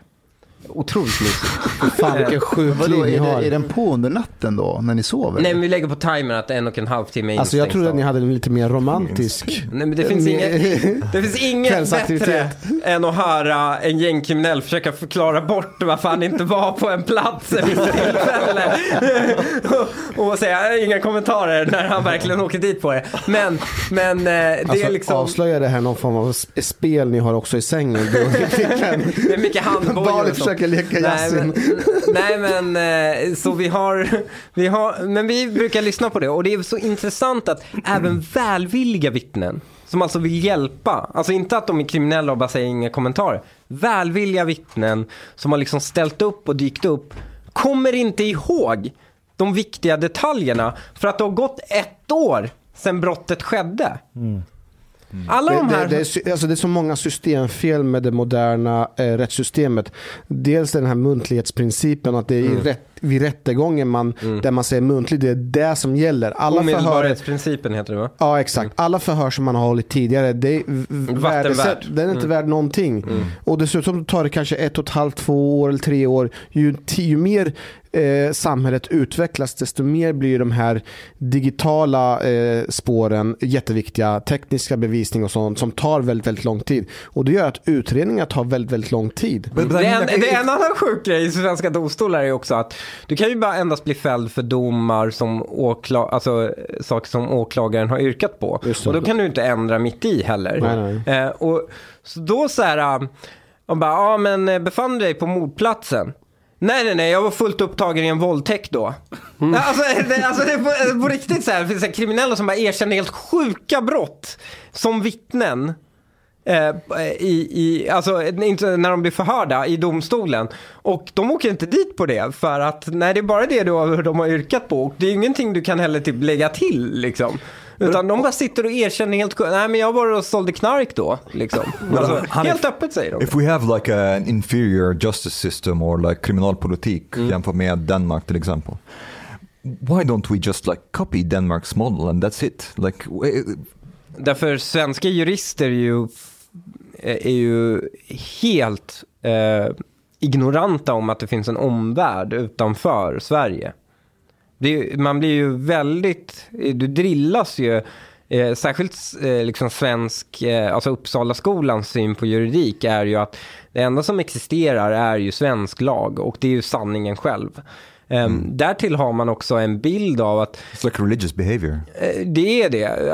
Alltså, jag tycker faktiskt en av de mest imponerande ut- indoktrineringsinstitutionerna som finns eh, i, i Sverige är juristutbildningen. För det spelar ingen roll vilken materia du stoppar in i den. Alltså någon kan vara vänster, någon kan vara höger och jag vet det här och jag har skitmånga flickvänner som gått igenom den här utbildningen.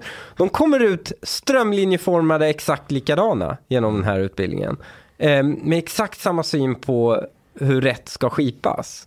Trots att i många andra länder finns det många andra skolor Ehm, i hur man ska se, på rättigheter och lag och, och så vidare. Men vissa, men eh, Omar, kan inte en, en av svaret vara att vi har ju, lagstiftningen här i Sverige skiljer sig ju på, på principiell nivå så skiljer den sig från andra länder. Om vi kopierar en lagstiftning rakt av så kan det bli en konflikt med den grundläggande lagstiftningen. Och då, då, För många lagar bygger ju också på andra principer och andra... Ja, så du kan inte bara, kopiera, så Så du kan inte liksom bara ett kopiera korthus. någonting och lägga in någonting. Det Yeah, funkar I, I inte kind så. of understand that, but one can say that you know, even with this like strong consensus culture in Sweden, things have been moving quite fast and have been like kind of like if you if you look at it, we have been going to towards Denmark in a way. Ja, men det, alltså det man behöver göra är att ehm, det här är ju också ett lite av ett problem som finns i Sverige, för man pratar om något som kallas för proportionalitetsprincipen, för man tycker att olika brott och straff ska vara proportionella till varandra. Och det här skapar, särskilt i riksdagen, så skapar det lite problem. Ta till exempel ehm, när det var den här terrorresorna, när det skulle kriminaliseras. Och då satte man det på vad, maxstraff två år eller ett och ett halvt år eller något sånt. Och jag bara, jätte, jättebra, kan vi, alltså när vi skulle ta lagen i utskottet, jag bara, men vi skulle ju lätt få majoritet om vi bara strök den här tvåan i utredningen och skrev en åtta. Eh, och han bara, ja, men så kan vi inte göra, säger då den juridiskt kunniga mm, politikern som var jurist och dom, tidigare domare.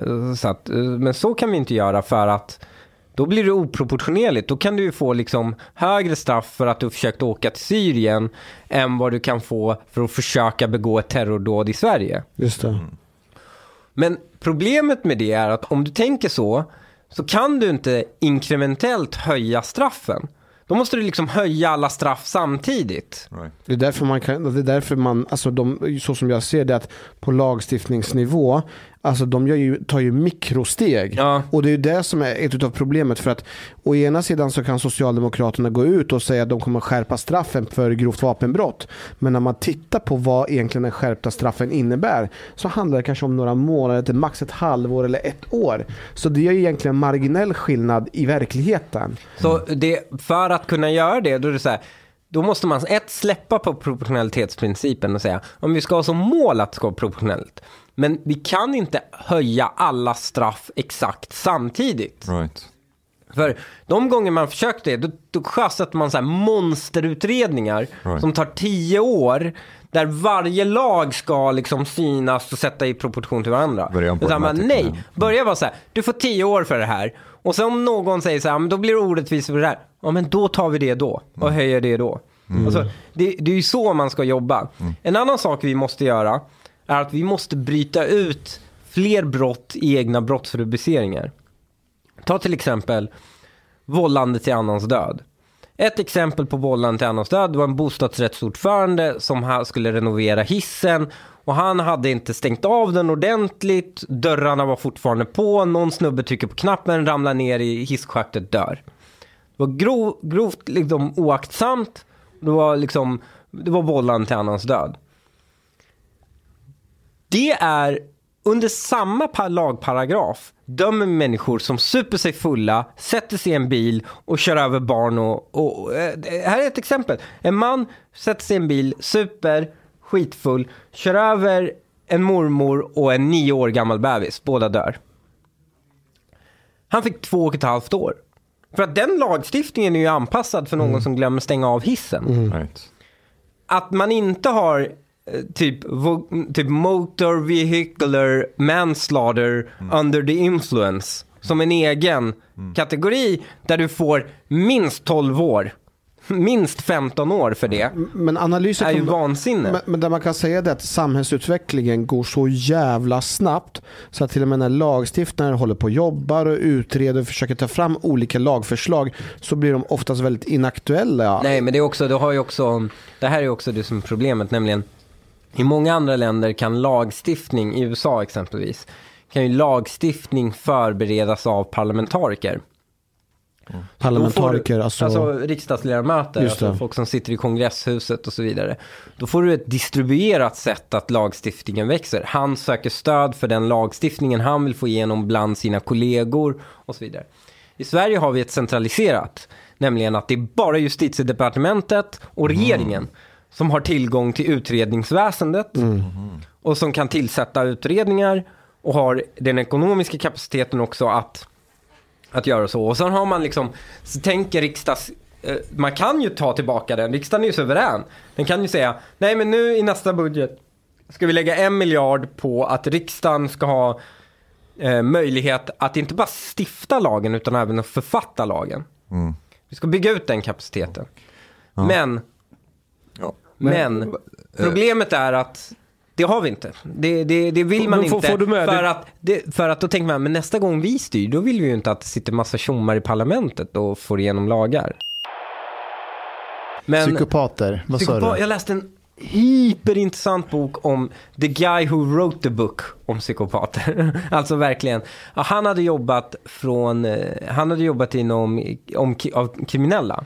Han tycker det är väldigt intressant att jobba med kriminella psykopater för att i fängelsen finns det en väldigt hög koncentration av psykopater och det är en isolerad miljö du kan jobba med dem. Och eh, då, det är, många av de här sakerna, alltså folk säger ju så här, ja, men det är en sjukdom. Men det är ju, man skulle kunna säga att det är en sjukdom, men det är ju ett personlighetsdrag. Som är alltså obotlig. Och det som finns i det också är ju att när man försöker ge dem behandling, så de utvärderingar som finns på det är att de oftast blir värre. Ja, det är som Sopranos. I slutet av Sopranos, han har ju gått i terapi under liksom fem säsonger. Och det slutar med att hon sitter där och läser forskning på att de blir värre. Och han har ju blivit värre, han blivit mer brutal i varje säsong. Men, Så hon, hon är ju delvis ansvarig för att han är den han är nu. och sen i fängelsen är det oftast gruppterapi. Och det de tycker om att göra är ju att kapa gruppen.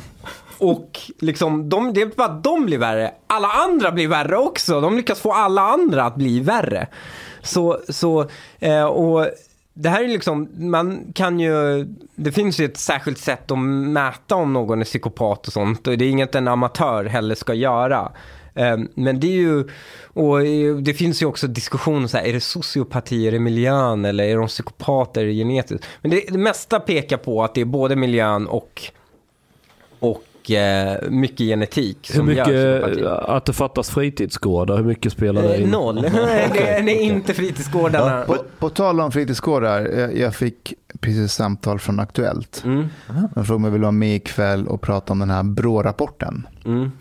Den här överrepresentationen, har du sett det? Ja, alltså att andra generationen är mer överrepresenterad i brott än första generationen.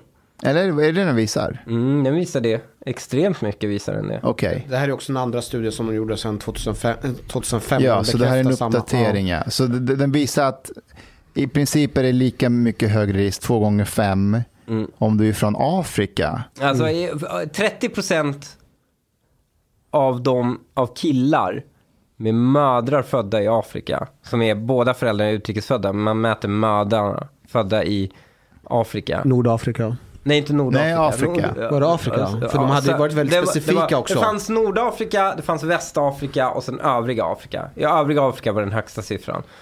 Ehm, och där var det 30% som var misstänkta för brott. Ja, jag vet. Det, det, Det är en vansinnig siffra. Men I bland inrikesfödda var det eh, 4%. Alltså där är polisens misstankeregister. Och det, jag vet hur man kommer spinna det här. Man kommer spinna det i att ja, men de blir ju mer kontrollerade. Det är därför de är mer misstänkta. Kan det inte vara att det är selektionsmekanismerna för vilka som kommer hit som gör att det är en viss typ av människor som söker sig till Sverige? Ja, också det är en viss typ av människor som har anammat den, den gettokultur som finns i Sverige. Sen, sen måste man också komma ihåg att det handlar om, alltså de har ju klumpat ihop all form av brottslighet. Nej, de separerar De, också. de gör det i, i slutet, de kan ju men inte nyansera per, det. Ja, men inte deras- per, de, de, inte per land Nej. eller region. Men de gör det, de separerar formen av brottslighet mellan inrikesfödda, eh, utrikesfödda eller båda föräldrarna utrikesfödda. För- Men jag har ju... det, det där bo, båda föräldrarna utrikesfödda sticker ut är rån, drogbrott, eh, ja, men, ah, ah, eh, liksom skjutningar. Jag, på, jag borde vara med i den statistiken. För, Vi alla borde vara med där. nej men för min mamma är ju född i utlandet, i Polen. Så jag är ju en andra generationens invandrare. Och jag är ju med i misstankeregistret. Första generationen. Ja, ja, du För har att det, en det, La- ja. Lamotte-statyn, Ja, eh, brott mot ordningslagen. Nej men det är helt otroligt att du, eh, jag tror inte Hanif har skrivit in i misstankeregistret varenda sak du har erkänt i den här podden. Jag, jag hoppas det. Han säger att han gör det. Han säger att han gör det. Men, Men eh, det, det, kommer vara en, det kommer en panel i Aktuellt ikväll där de ska prata om vad gör vi nu med inf- alltså den här informationen. Vi- Vilka ska vara med i det?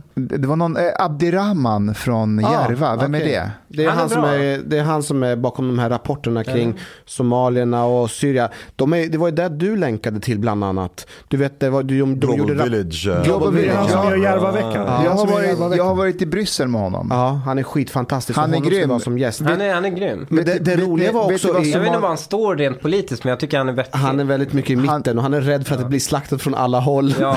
Ja, han är så jävla nervös. du menar att han är liberal? Nej, nej, Nej, men han är- han, är typ neutral på riktigt. Ja, Han är han. är. Han är så jävla, han, han är liksom, han ligger på en, alltså han har ju, det är ju ingen som tar hans rygg. Inte somalierna, inte, svenskt näringsliv eh, ha- hade ju honom under vingarna. Men han det är ju en miljardär som finansierar Global Vet Village vet ni vad den dia, eh, somaliska diasporan kallar honom för? Nej.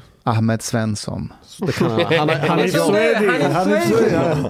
Det där är Ahmed men Swedi. jag tänkte det, den här BRÅ-rapporten, det roliga är att de börjar själva spekulera, inte bara socioekonomiska faktorer, de tar dessutom upp att det finns kulturella aspekter. Nej. Jo, de gör det. Att det kan finnas vissa kulturella aspekter som gör att man Men- förhåller sig på ett annorlunda sätt kopplat till vissa typer av brottsligheter. De, För de menar att gangsterkultur kan leda till gangstrar. Men, men här är också eh, någonting att komma ihåg. När de försöker korrigera för socioekonomiska faktorer, de, de, de särskiljer ju inte alltså korrelationen att människor som, be, som är kriminella är ju fattiga oftast. Det är ju inte människor som visar massa inkomster. Eh, och den, den, den, de lyckas inte rensa för det. Det enda det hittar är att om du tittar på svenskar som är fattiga så har de en viss högre brottslighet. Och sen jämste, och sen så, så, så drar de så här, okej om det är överrisken, om vi rensar för de här faktorerna, inte, man kan aldrig rensa, men om vi försöker korrigera för de här faktorerna hos utrikesfödda, eh, och alltså skillnaden i brottslighet mellan olika inkomstnivåer, och ser att utrikesfödda eller andra generationens invandrare är överrepresenterade, eh, då minskar ju överrepresentationen något. Men det säger ingenting annat än en invandrare är oftast fattiga. Det behöver inte säga att det är socioekonomin som är orsaken bakom. Men, men sen också, alltså jag kan förstå att det kan finnas socioekonomiska faktorer bakom till exempel ja, men, drogförsäljning, vilket är brott, för att du behöver cash. Mm. Men att du blir en så här rampant jävla mördare eller våldtäktsman. Det är där jag blir så här, det här är, det här är retarded. Men, ä- även Men det är inte, men eh, ta till exempel om du börjar syssla med drogförsäljning.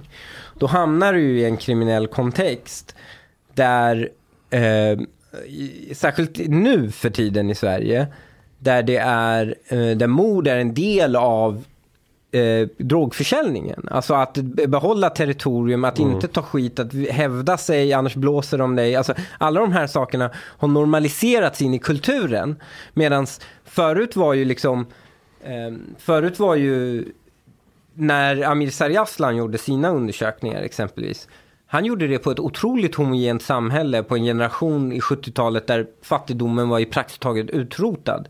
Då hade man ju, och där blir det ju, det här är ju lite det Jordan B. Peterson pratar om. Tar du bort de sociala faktorerna, minimerar du dem så kommer du få större utslag för genetiska faktorer. Men det finns faktiskt, tror jag, ganska mycket som kan peka på att den invandring vi har haft och den sociala situation vi har i Sverige är mer likt så det var förr i tiden, nämligen att sociala miljöer spelade stor roll.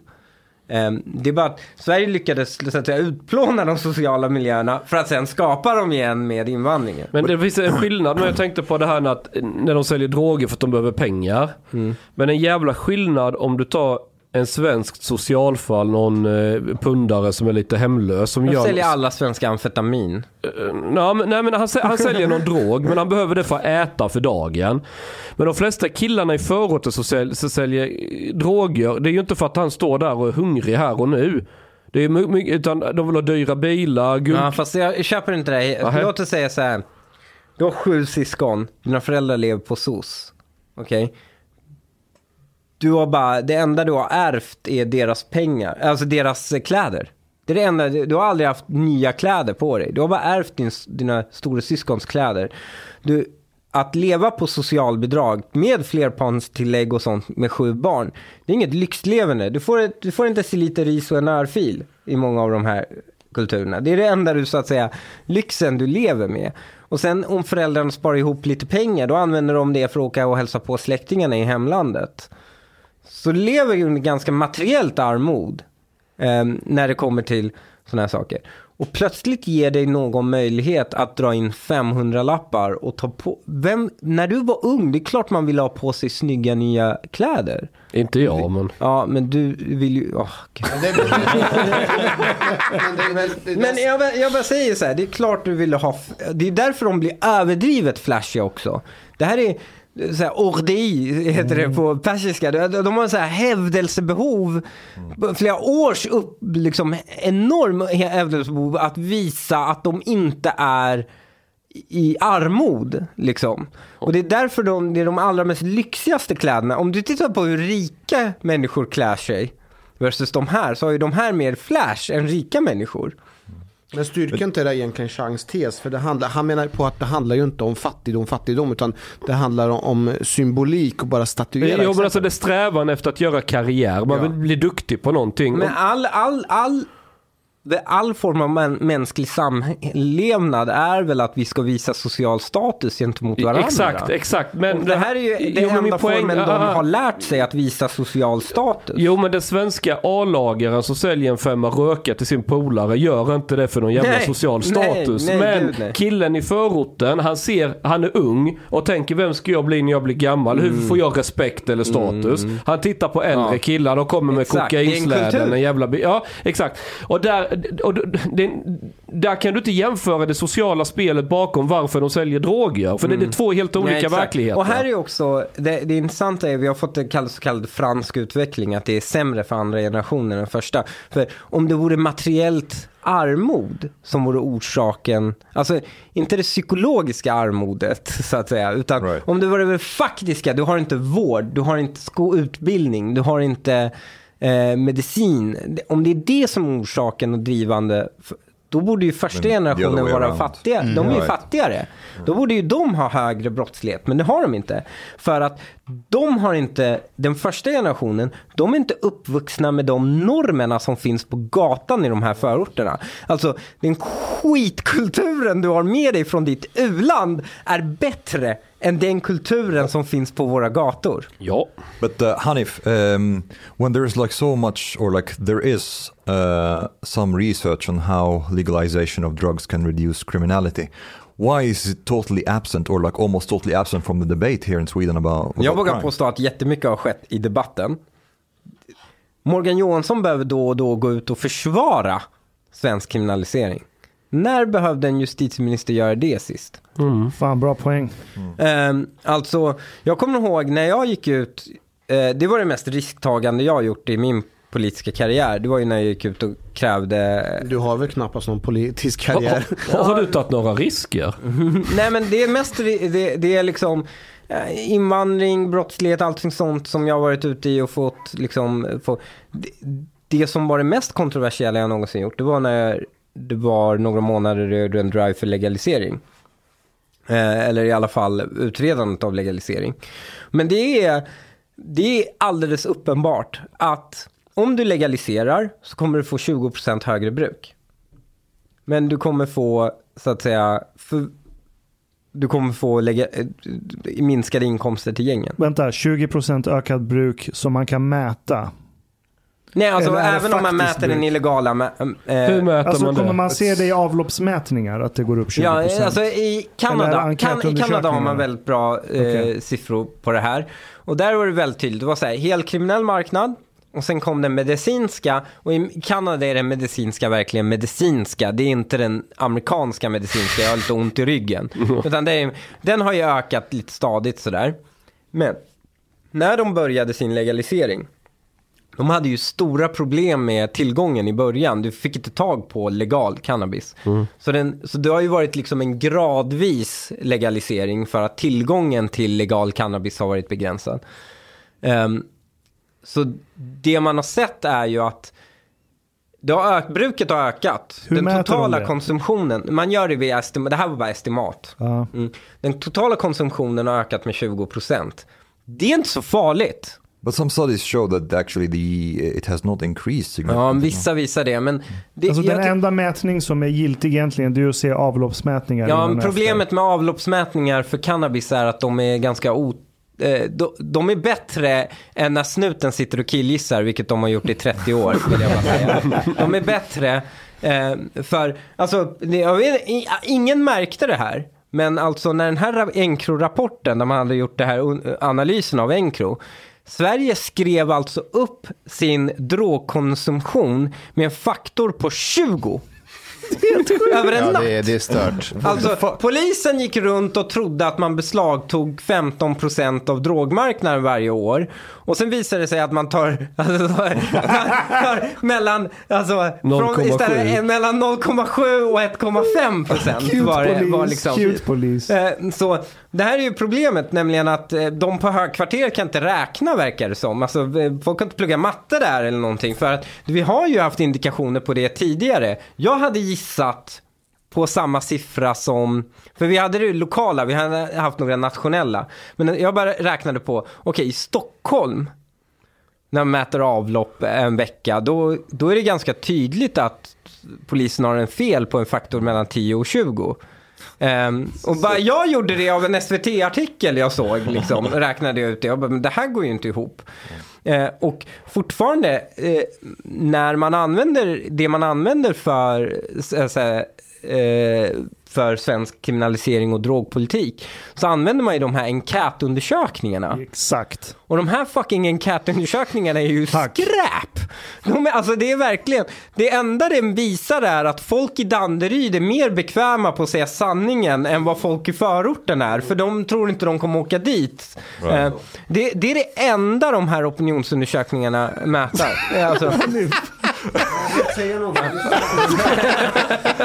Okay. But uh, Hanif, if, if, we, if we leave... Han är större nej men bara, micken. legalisera, legaliserar du cannabis?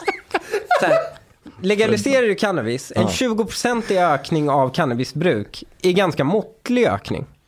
Ja, det är det. 20% är ganska måttligt. Ja, det är det. Eh, och en 20% ökning, det leder ju inte till 300 gånger fler psykopater på gatorna ju. Nej. Det, är, alltså, det, eller så här, det, det leder ju inte till några enorma... För folk hade inte märkt skillnad om jag ska Nej, vara ärlig. och, du, och folk hade inte med. Och 20% för att ta bort 80% av gängens inkomster. Ja, bra Det är en ganska bra, men Marquez. saken är också att så här, när någon folk bara, nej men det kan vi inte ha, det kan vi inte acceptera. Så bara, okej. Om du har en plan hur du kan på tre år minska gängens inkomster med 80%. I'm all fucking ears. Men det är ingen snut som någonsin kan säga hur man ska göra det. För de bara säga, satsa mer på polisen. Okej, om polisen tar 0,7% av drogmarknaden, okej. De skulle lika gärna kunna ta 7% av drogmarknaden och det hade fortfarande på sin höjd lett till lite högre priser till slutkund. Vad, vad Vi kostar pratar- det att öka det till 7%? Nej, men, Ja, det är tio men alltså- gånger mer. Då, Alltså du måste, alltså en högre effektivitet i en offentlig verksamhet på en faktor på 10. Någon som har drivit ett företag skulle ju garva för att det Men, skulle men vara möjligt. inte, han, Ännu kan inte mindre finnas som har andra förklaringsmodeller? Alltså om, om, om vi bara leker med tanken att eh, så här. Eh, jag vet ju att eh, de på NOA har ju bra koll på eh, illegala, vad heter det, narkotikaförsäljningen som sker på Darknet. Framförallt på de här, Mm. heter det flugsvamp, vad heter det, Omar, vad heter, var köper du dina grejer någonstans? Och flugsvamp. Jag köper aldrig droger. Ja, nej, men eh, det är det flugsvamp som du håller... Det finns en flugsvamp 2.0. Ingen knarkar flugsvamp Hanif. Nej, men... Nej, alltså, men det är Sajten, Nej, det är- har- du aldrig bestämt hem en, femma grönt? Nej, men- Aldrig! Men eh, så här, det- de här grejerna, det sker ju på, Eh, på the darknet och man har ju hyfsat bra koll på hur omfattande det är. Fast man vet ju om att man inte har resurser för att kunna sätta igång med spaning och så här, för det är omfattande resurser. Lek nu att du är någon form av liksom, högre chef inom polisen. Mm. Ska du gå ut och säga som det är på riktigt? Eller ska du försöka ge signal om att du har koll på läget? Ja, det här är ju Sverige, man ljuger. det- Alltså, jag, låter säger, det jag, som- inte, jag säger inte att det är sant, men det är ju inte långsökt att alla olika instanser, alla chefer på olika Nej enheter men alla försöker, försöker, alla försöker har ju utge incitament att ljuga. och, och säga att man har koll på läget. För om du säger att du har koll på läget, då kan du premieras uppåt. Om du som- säger att du inte har någon koll alls, då kommer du få Nu kicken. låter det Vem- som Mikael Damberg. Det, Nej, men- det men- låter men- som Afghanistans armé. De sa på morgonen att vi har kontroll och så på, på, på Är eftermiddagen det så tog de svensk över. narkotikapolis? Alla Nej, men, alltså, men jag vill bara Det säga är inte bara narkotika, på det det är väl all form Jag- av kriminalitet. jag vill inte veta. Det- men jag vill- jag- Exakt, och det är det som är polischefens tänk. Att i, i slutändan, låt dem sälja sig knark. Låt den här medelsvensson få leva i tro att eh, polisen gör Men, men vänta, men vänta, vänta. Om policyn de facto är bara, vi kan inte komma åt det här. Vi kan inte komma åt det här. För du kommer Det aldrig få de kommer- resurserna. Vi kommer aldrig, vi kommer, men du kommer aldrig. Just fucking jag bara legalize säger. Jag bara säger, jag bara säger. Om jag hade tiodubblat er budget, ni har 20 miljarder nu. Om jag hade tiodubblat den till 200 miljarder. Det, det är alltså en substantiell del av vår BNP vi lägger på polisen nu. Om jag hade gjort det, ett så hade det inte blivit tio gånger mer effektivt. Nej, nej. För stoppar in... Fattar du fikabudgeten? Det handlar, om policydokument och vi ska ha, Ja, ja. komma Vi hade- överens om saker. Om jag ger er tio gånger mer pengar så kommer ni ju bli kanske med, med tre gånger högre effektivitet. Fast du vet du Vänta, vad, vet du, vad? vänta, du, vänta. kan, du kan bara skärpa lagstiftningen, Nej, men det göra så att vi har tillgång hjälpa. till Encrochat och sånt Nej, där. det inte så, behöver vi, så kan vi vara mycket effektiva. Då behöver vi inte öka våran budget, effektivisera lagstiftningen. Nej, nej, det är det inte jätteroligt, du Det kommer här och är kaxig, men du vet ju att er egen verksamhet är keff. Alltså den här protektionistiska... Nej men kolla här Vänta, nu. vänta, nej, nej. Vi vet ju att det inte, vi vet ju att det som failar det är ju juridiken, Nej. lagstiftningen. Det är jo! Ni tar det- det- vi får ju- 0,7%. Kolla här, Ni kolla här. 0,7%. Vi får ju, vi får ju, vi Ladies får and ju, gentlemen, alltså, Hanif poliserna, against Hanif. så här, The clash of the polisen, polisen är ute, alltså så här, vi har inte lagstiftningen för att kunna lösa de grova brottsligheterna. Vi blir serverade av fransk polis, av amerikansk polis, för att de här inkompetenta människorna gör inte det. Okej, gör inte okej, det vi efter får det här. året, efter det här rekordåret med Encro. Hur många fler kilo tog ni emot? Hur många, hur, många, hur, många har vi, hur många har vi lagfört? Ja, ni har lag- Hur många har vi lagfört? Vi har lagfört så Hanif, många. Aldrig många har så försöker, många. Vänta, ni försöker vänta. bygga en vädermaskin. Det är också. Och du vill ha lagstiftning mot regn. Nej men det, det här är ju det här, bara, om vi bara får här. rätt lagar. Då, Men det är ta, ju då, ta, vänta, vänta, vänta. Om, vi- om vi inte får rätt lag, om vi får bara rätt lagar, då kommer vi ta emot ta 0,8 procent av alla. Holy shit! Nej, det nej. löser alltså inte problemet. Kolla här. Eh, vänta, Tack vare fransk polis gästen lyckas vänta. Tack vare fransk polis kan Hanif sitta med sin flickvän och lyssna och gotta sig i olika typer av mål. What does this have to do with anything? Det har det här, om vi hade haft rätt lagstiftning så hade det inte bara varit i Vårbynätverket som skulle bli fält utan det här kunde, vi kunde ha stävjat de här brottsligheterna för länge, länge sedan. Sant. Nu blir vi serverade av fransk polis och så, så sitter du här och klagar på oss. Men, det är ju men fel. jag vill bara säga, vi kan ju ringa vem som helst från Vårby och fråga, säljs det droger i Vårby nu? Och jag kan garantera dig att det gör det. Det är en- det är det här är ju det som är problemet. Narkotikabrottslighet skiljer ju sig från all annan brottslighet i den bemärkelsen att ehm, sätter du dit de som säljer droger, kommer det någon ny Ja. och, och säljer droger för att det är otroligt lönsamt och, det, är- det är enkla jobb så att säga. Det Annie Lööf brukar vilja ha. Det finns en Eh, marknad som det finns en mark- det finns en efterfrågan, du kommer aldrig åt så att säga. Och även om du kommer åt 0,7% av marknaden också så är det inte tillräckligt mycket för att det ska vara marknadsstörande för konsumtionen. And why fucking waste resources on this to begin with? Eller, eller så bara säger man okej det här existerar.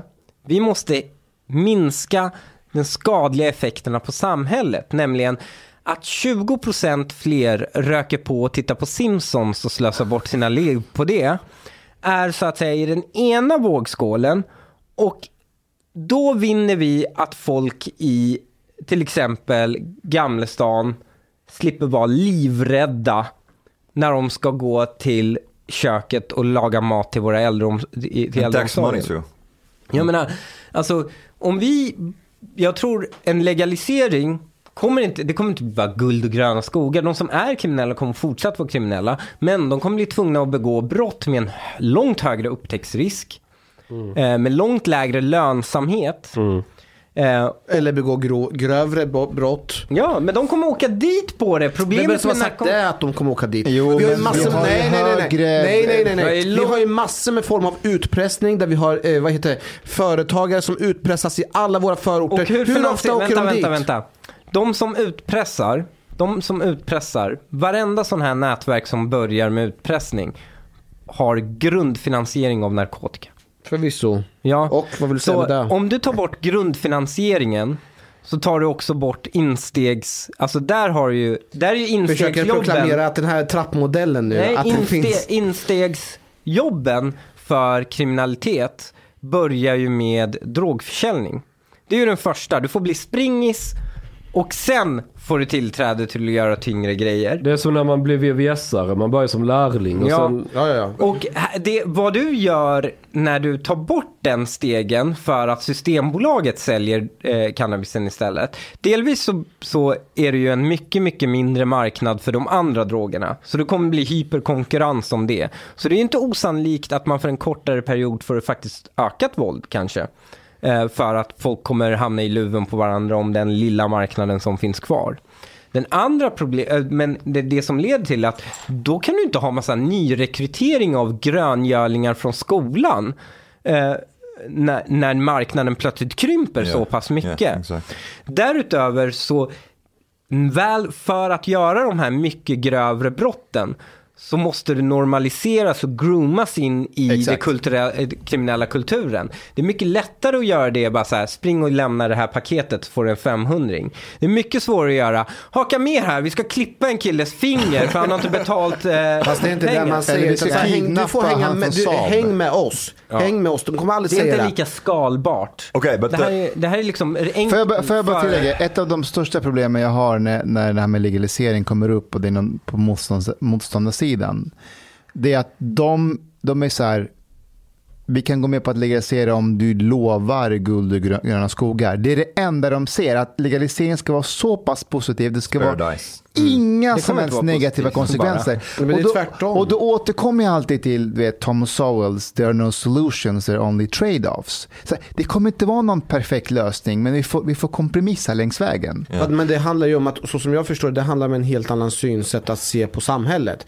Utan eh, för framförallt det Ashkan och det ni pratar om, det är att hej, kolla, vi kan sköta oss. Vad gör det om jag röker en femma hemma och Det gör tittar på. Simpson? Nej, det det, gör gör inget. absolut ingenting. Och så länge det går bra för mig och mina kompisar, så vad är problemet? Medan eh, synsättet som, den, eh, som de andra har, eller som, som jag tänker, det är att hur kan vi riskminimera så att så få som möjligt, alltså skadan blir håller med. mindre och mindre. Jag håller med. Jag håller med. Inte jag. Det, nej men vänta, jag håller med.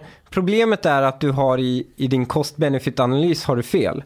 För att om, jag håller med, hur kan vi riskminimera så att skadan blir mycket mindre? Jag tycker att ett förbud är legitimt så länge förbudet inte tillfogar mer skada än substansen. Det, det som kommer leda till, det vi ser nu, är att folk fucking dör. Folk blir skjutna, handgranater kastas. Alltså, det är gängkrig på grund av de här drogerna. Och då blir ju faktiskt skadan de här eventuella substanserna som uppkommer är ju, kommer ju vara mildare än gängkrig. Men den andra diskussionen som finns också när det kommer till, till, till, som man måste ha med i vågskålen, är ju så här. Vissa säger ju så här, ja men förut så hade vi ju inte de här gängkrigen, det är invandringen som har lett till, alltså det är ju, det är ju de som säljer droger som har förändrats. Eh, och det är därför, förut rökte folk på men folk blev inte skjutna. Och, och Men många- om för- de för- för- inte för- har någon- Men, men vad säger så här, och för att påpeka att många av de här konflikterna som leder till de här eh, dödsoffren, det är ju lokala konflikter. Ja. Som är me- mellan oftast eh, rivaliserade gäng Ja. som, är, som, som har valt den här kulturella vägen. Alltså Ja. att man knäpper varandra. Mm. Så det är inte så att alla gör det i alla samhällen, utan det har blivit Nej. så här. Nej, det har blivit, men varför har det blivit så här? Jo, men det, det är klart det spelar roll vem som säljer drogerna. Så att säga, om det är bara, om, som det var förr i tiden, att det var bara ett gäng hippies som sålde droger, då var det ganska lågt våldsanvändning eh, på den tiden. Eh, det, jag, har ni sett, eh, Har ni sett eh, Pop Fiction? När han ska köpa sitt heroin. Så är det bara någon snubbe, någon vit snubbe i morgonrock. Om det var droghandlarna hade vi haft ganska liksom låg eh, våldsanvändning. Eh, men nu är det inte så. Varför Och är det inte så då? Nej men för att vi har skapat den här, de här gettorna. Och när de här gettorna nu har etablerats, om någon inte har en, att, att så att säga få bort de här gettorna eh, utan att komma åt droghandeln. Eh, är ju inte, det är ju en gordisk knut. Nämligen, du kan inte få bort droghandeln utan att få bort gettofieringen, men du kan inte få bort gettofieringen utan att få bort droghandeln. Fast, fast Hanif, så här var det. För Vi har ju haft den här gettokulturen väldigt länge. Alltså get, eh, så här, våra utsatta områden har vi haft väldigt länge. Många av de här grova, alltså eh, våldsbrotten har ju skett framförallt sedan 2015. Det man har sett det är ju med digitalisering, att man har kunnat eh, skapa, man kan ju, det är precis som många andra typer av Nej, digitalisering. det där man där har, stämmer inte. Vänta, vänta, får jag prata till punkt. Det har gjort att man har klippt av bandet. Förut i våra förorter så har vi, hade vi hierarkiska band. Där du hade en högt uppsatt knarkchef och sen så hade du mellanchefer och sen så hade du underhuggare.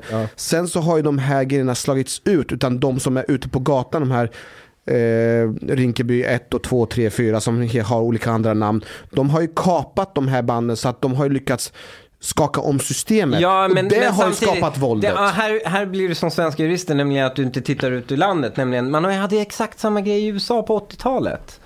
Man hade, äh, så här, det var ju samma sak, nämligen att du fick en gettofiering av städerna på, på en utveckling på 60-70-talet eh, med förslumning. Eh, och, och där det var också en etnisk grupp som skapade en egen sub, kriminell subkultur, droghandeln och sen var det drive-bys, oskyldiga som åkte dit. Alltså det, det här är bara en replay av USAs 80-tal. Och på den tiden hade de inte Encrochat och de hade inte det här, eh, liksom, det var samma sak. Det, det är liksom, vi har sett det här utspelas, men nu sker det i en annan form. Jag köper att den här digitaliseringen. Sen handlar det också om, tittar du på gäng, eh, eh, gängbrottsligheten, hierarki skapar ju lugn. Det vet vi Ja, ju, ja. att hierarkier skapar Ja. lugn. Det, eh, ta till exempel... Och det, har, det är det som är problemet nu. De ta, är ju... ta Malmvägen, Sollentuna.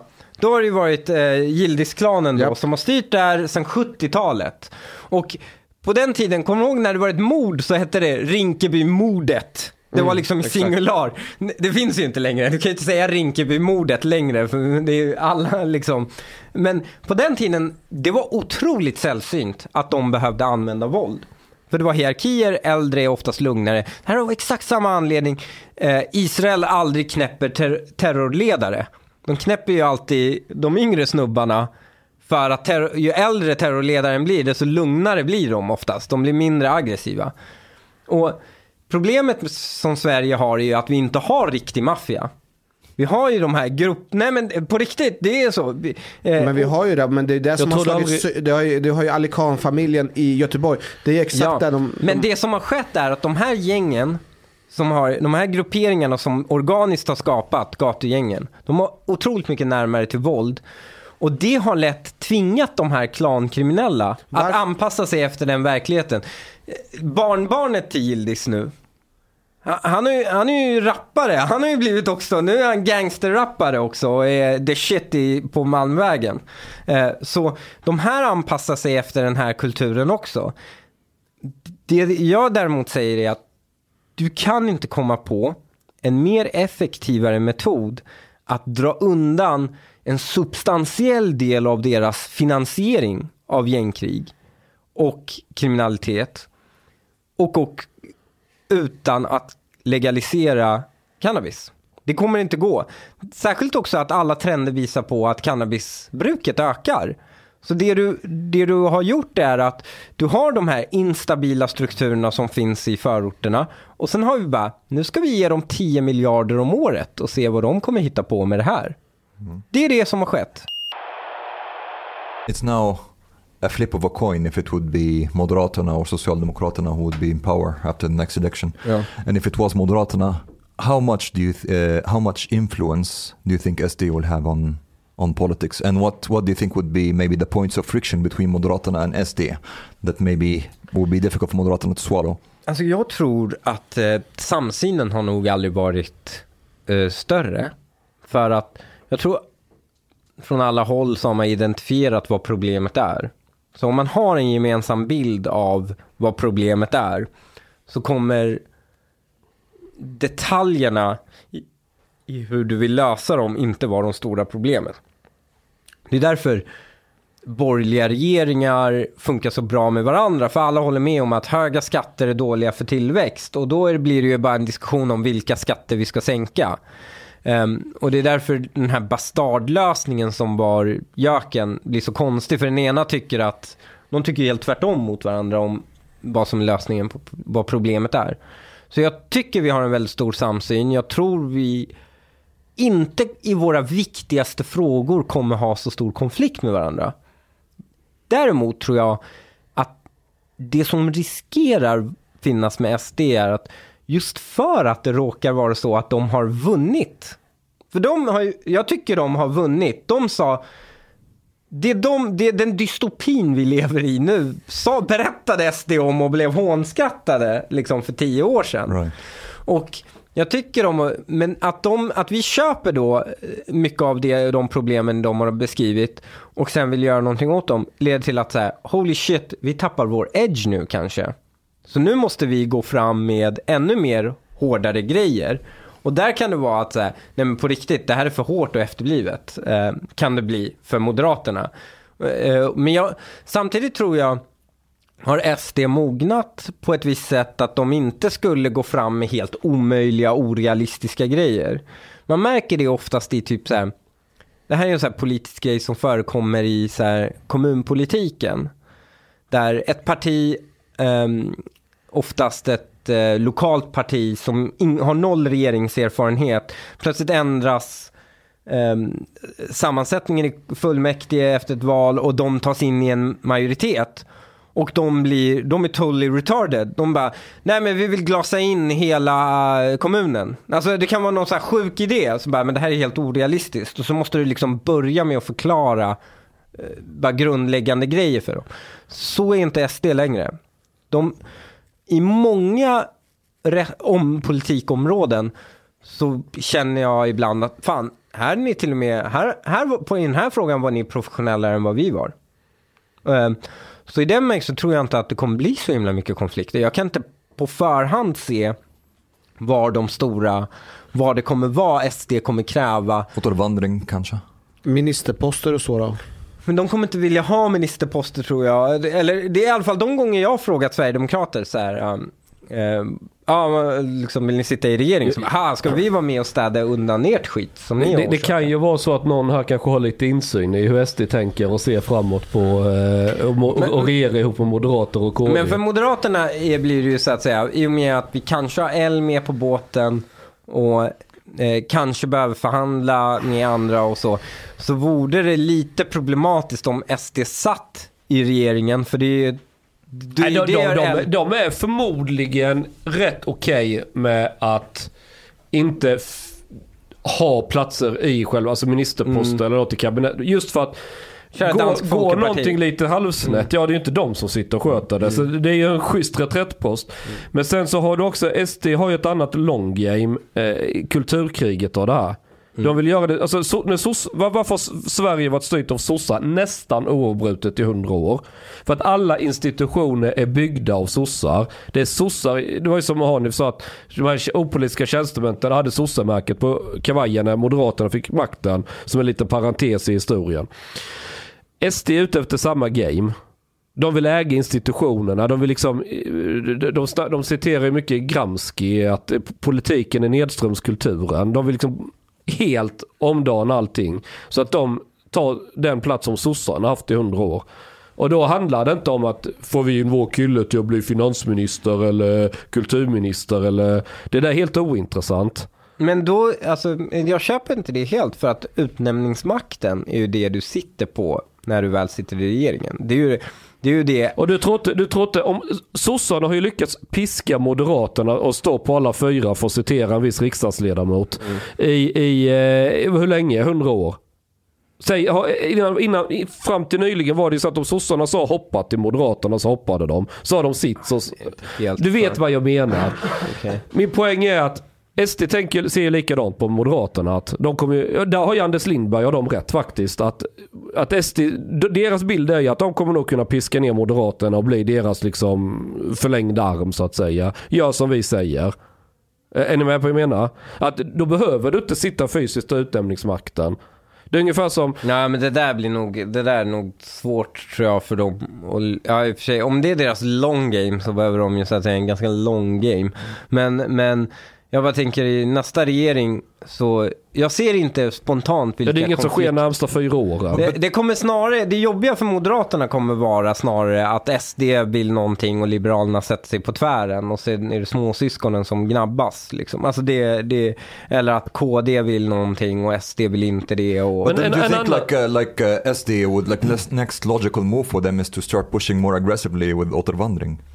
Men alltså, eh, alltså, jag känner inte till något modernt återvandringsexperiment som har lyckats utan, alltså att fördriva en befolkning ur ett land som lyckats utan ganska mycket, mycket våld.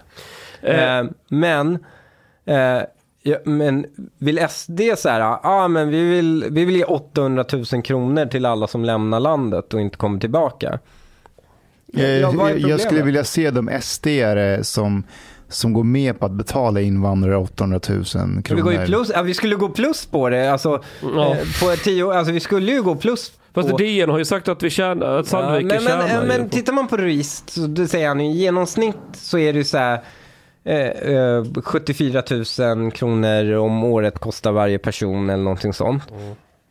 Och då, Um, om, det, om det är summan så säger man så här, okej, okej, men om du inte har haft ett arbete på ett år, då, får, då kommer den siffran, då kommer det inte vara 74, då räknar du med en ganska större negativ utgång. Då, då får du 800 000 om du lämnar landet, då går du plus på fyra år på det där. Förstår du? Så jag menar, sure, det kanske sticker i ögonen, men det skulle, jag tror en eh, SD skulle kunna lätt motivera det till sina, till sina, men annars så måste du ju använda, vadå, alltså folk blir ju ganska fantasilösa, okej så då har vi några, då, låt säga ensamstående morsa med tre barn, eh, eller fem barn i förorten från Somalia. Eh, och då vill SD att hon ska åka hem. då är det så här, okej, hur ska du åstadkomma det?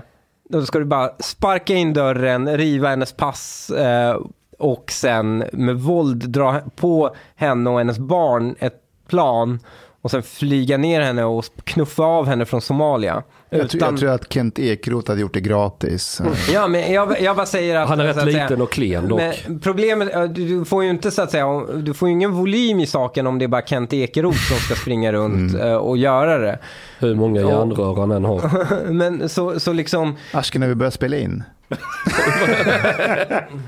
men eh, så det är liksom, så, så vill de starta ett aggressivt återvandringsincitamentsprogram eller något sånt, fine gör det. Alltså de som, men de kommer ju inte, om SD menar att de är demokratiska, vilket jag, jag tror de menar, så kan de ju inte använda hur mycket våld som helst mot, mot, Nej, människor, de- de- de- mot människor som inte gjort något annat fel än att vara improduktiva. Nej, nej det kommer de inte. Alltså, nej, nej, det, det, så skulle de aldrig Och vem på. skulle, vadå, skulle de skicka Hanif Azizi och göra det då? Men jag tänker, eh, det jag tänker att de skulle behöva göra, inte kanske fördriva, men att själva försöka driva opinion till att de som befinner sig illegalt, att man eh, lägger mer budget till att liksom kicka ut dem. Ja, men det är Ja, inga men- problem. Det har de Moderaterna med sig på. Ja, det är illegalt. Den, ja, men det, det, är- för det är det som är grejen, det är de som är illegala här.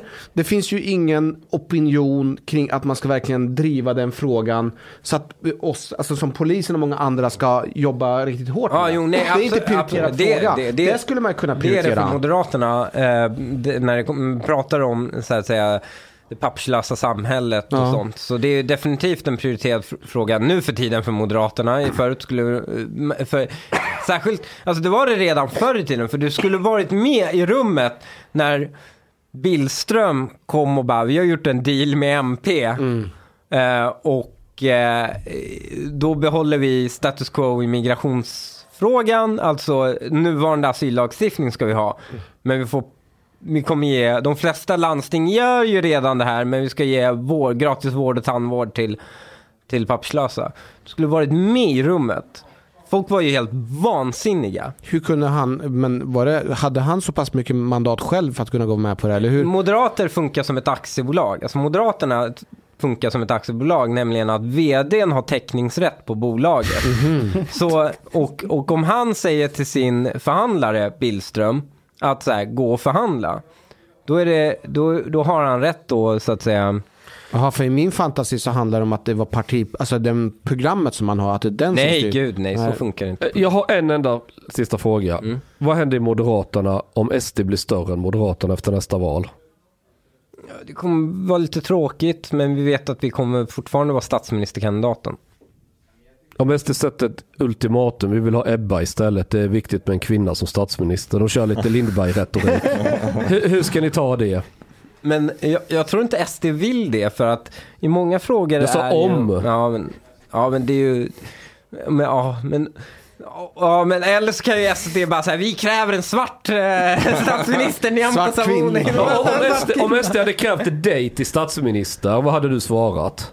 Sagt att det är hela, hela regeringsfrågan hänger på det, vi vill ha Hanif Bali som statsminister. Ja, det hade varit sinnessjukt av SD att de kommer kräva en statsminister som de förmodligen hade uteslutit ur sitt eget parti. Liksom. Men det, hade- du hade tackat ja. Till och vad? Vem hade Till att bli tackat ja? statsminister. Men det är väl upp till Moderaterna att bestämma. Ja men du är en del av Moderaterna. Ja, men... Du, du är en politiker som inte kan ta ett beslut. Den, den, den politiker som säger... Den han är så pass politiker... assimilerad så att han kan inte svara på Jo, en jag sån svara enkel på frågan. fråga. Jag ska svara på frågan. Den politiker som säger så här, hej, vill du ha mer inflytande att genomföra din politik? Och svarar nej på det är ju dum i huvudet. Så det är klart jag hade svarat Så vi ja. tolkar det som att du utmanar... Det är klart jag hade svarat ja. Så det du säger är att du utmanar Ulf nu? Nej men det gör jag ju Jag inte! skojar med dig. Han är för utmana Ulf.